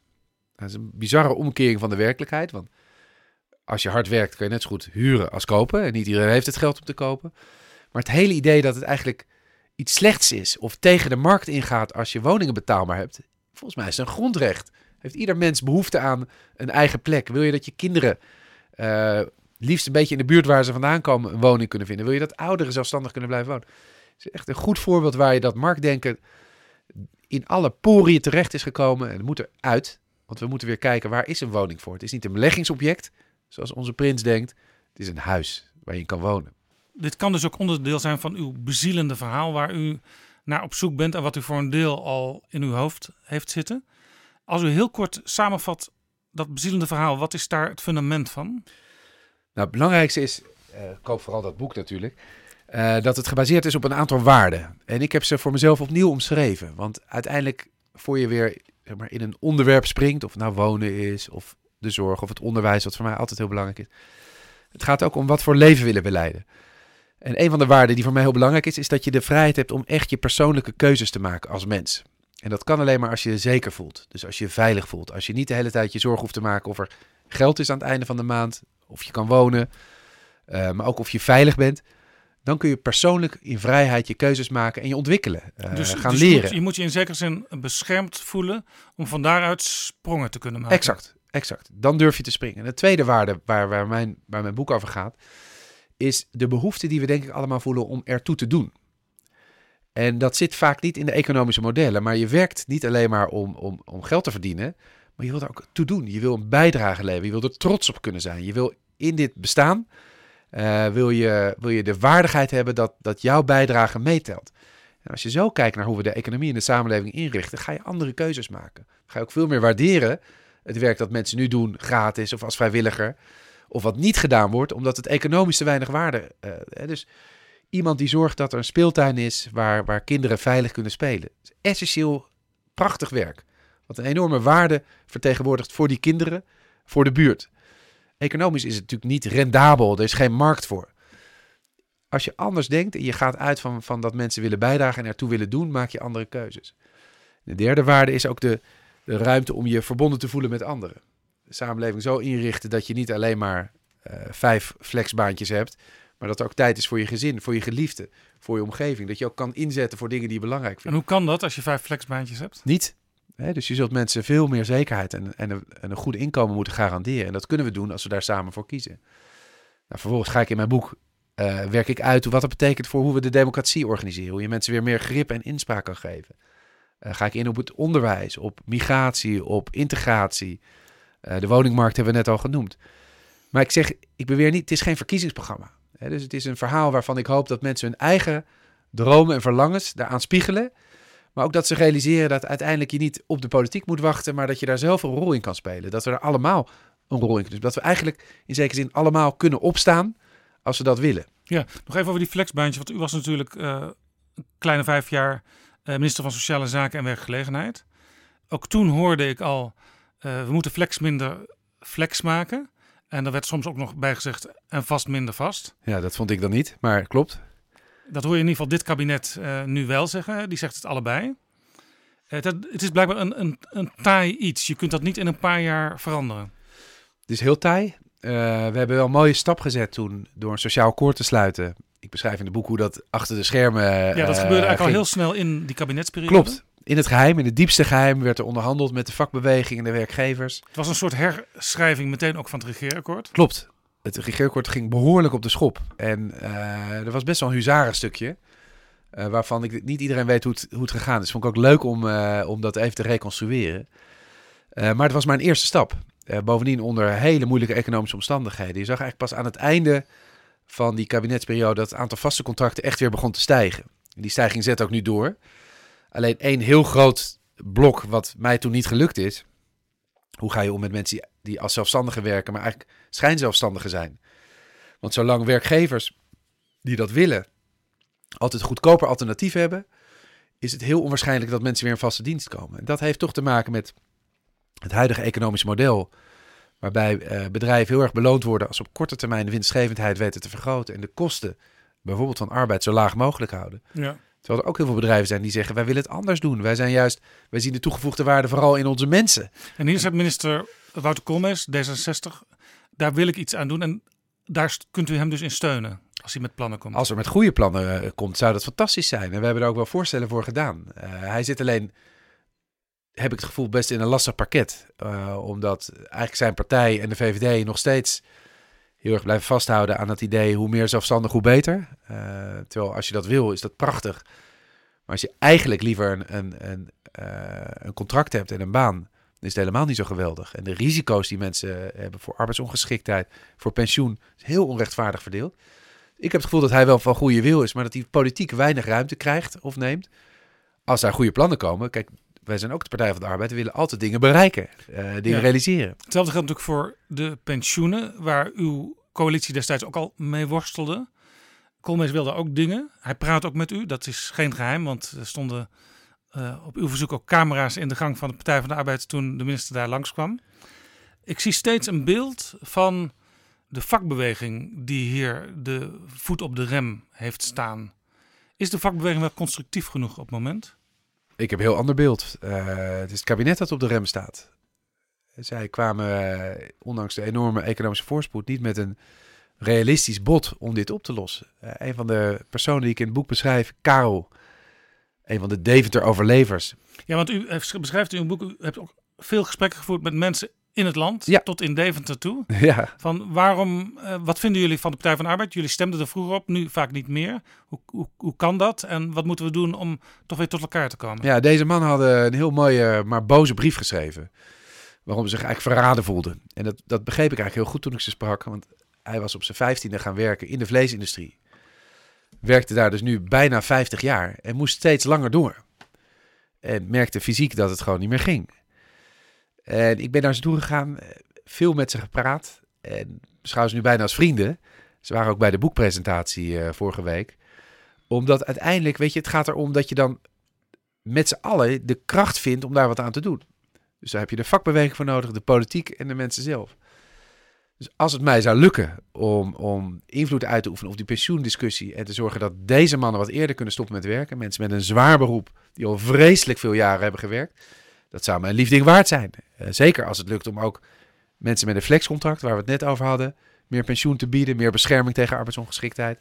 Zeker als het lukt om de kortingen die nu uh, iedereen boven het hoofd hangen tegen te houden. Dus ik wil vanuit de Partij van de Arbeid altijd kijken, niet alleen naar wat mijn mening is, maar ook of je nou, of je nou negen zetels hebt of zeven in de Eerste Kamer, wat je kan bereiken voor mensen. Daar, je stemt natuurlijk uiteindelijk op de politiek niet alleen om een lekker gevoel te hebben, ze zijn het met me eens, maar je wilt dat, dat, dat mensen voor jou in het strijdperk treden. Ja, het probleem natuurlijk wel is, uh, u, u, heeft spijt van die versnelde leeftijdsverhoging bij de pensioenen.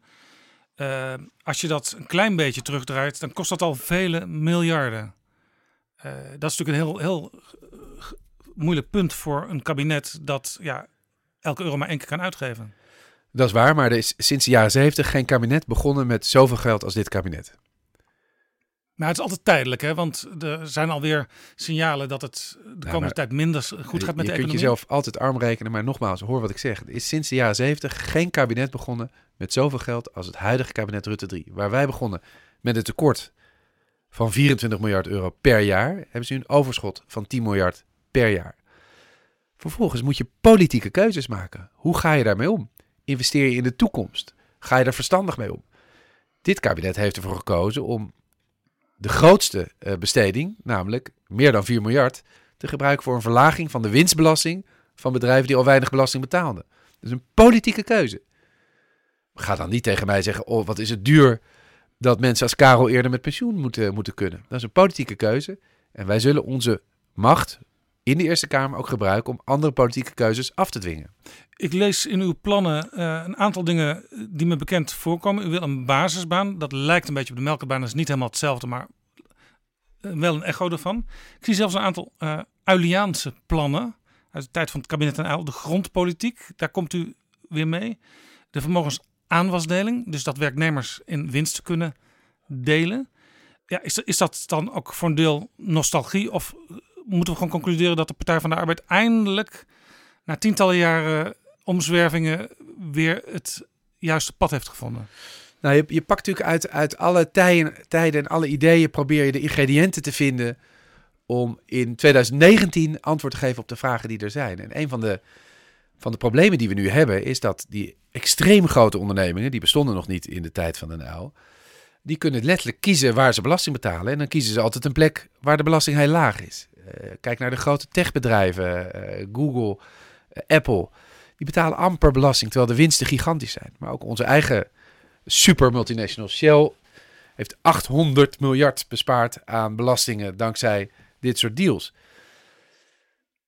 Uiteindelijk tast dat het basale rechtvaardigheidsgevoel aan in de samenleving. Want wij betalen allemaal wel belasting. En dat is maar goed ook, want er worden de scholen mee betaald en de politie. Dus dan is het niet gek om te kijken wat voor, wat voor ideeën zijn er om te zorgen dat dat eerlijker verdeeld wordt.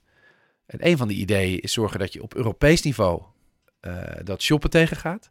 Zorgen dat je niet concurrentie hebt tussen landen waar je het minst betaalt. Maar een ander idee wat mij aanspreekt is zorgen dat werknemers meedelen in die winst. Vermogensaanwasdeling. Want je ziet dat de lonen onder druk staan. Uh, dat de CEO, neem Shell, 20 miljoen verdient. En medewerkers eigenlijk achterblijven.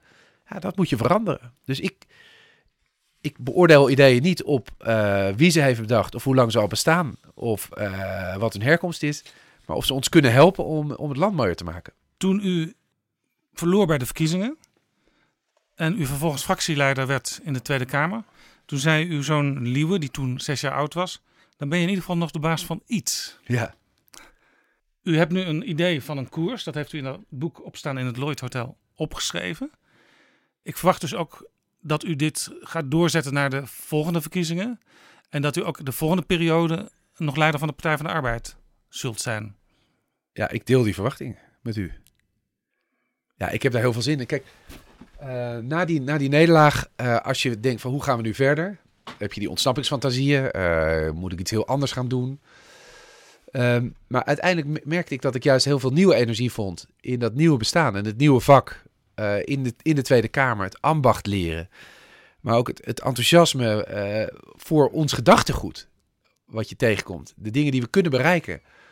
Ja, ik wil dat heel graag verder brengen. En, en een van de leuke dingen bij die statenverkiezingen is dat we nu uh, negen keer zoveel jongeren hebben die op ons hebben gestemd als bij de Tweede Kamerverkiezing. Dus is het gewoon weer wat aan het gebeuren. Nieuwe energie, vrolijkheid mensen die ervoor kiezen omdat ze het geloven. Er was een periode dat baantjesjagers ook wel eens naar de Partij van de Arbeid gingen.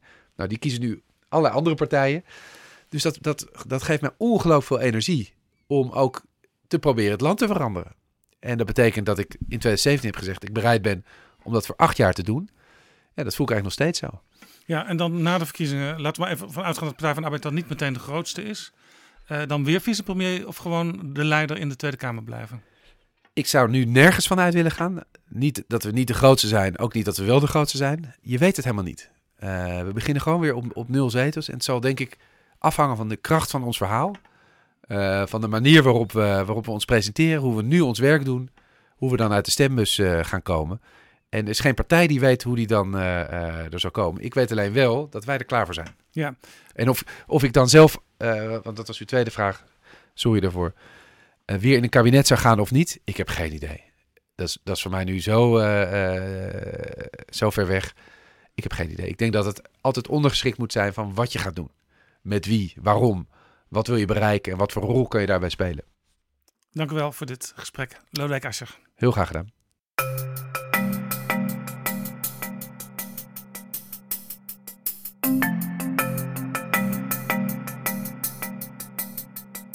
Zo, dit was Betrouwbare Bronnen, aflevering 34.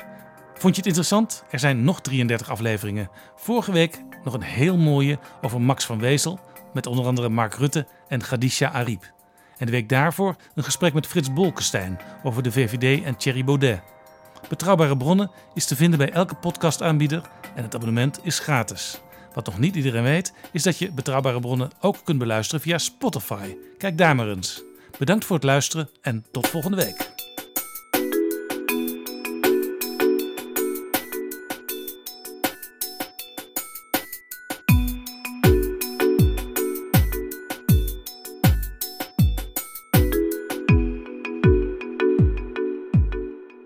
Betrouwbare bronnen wordt gemaakt door Jaap Jansen in samenwerking met dag en nacht.nl.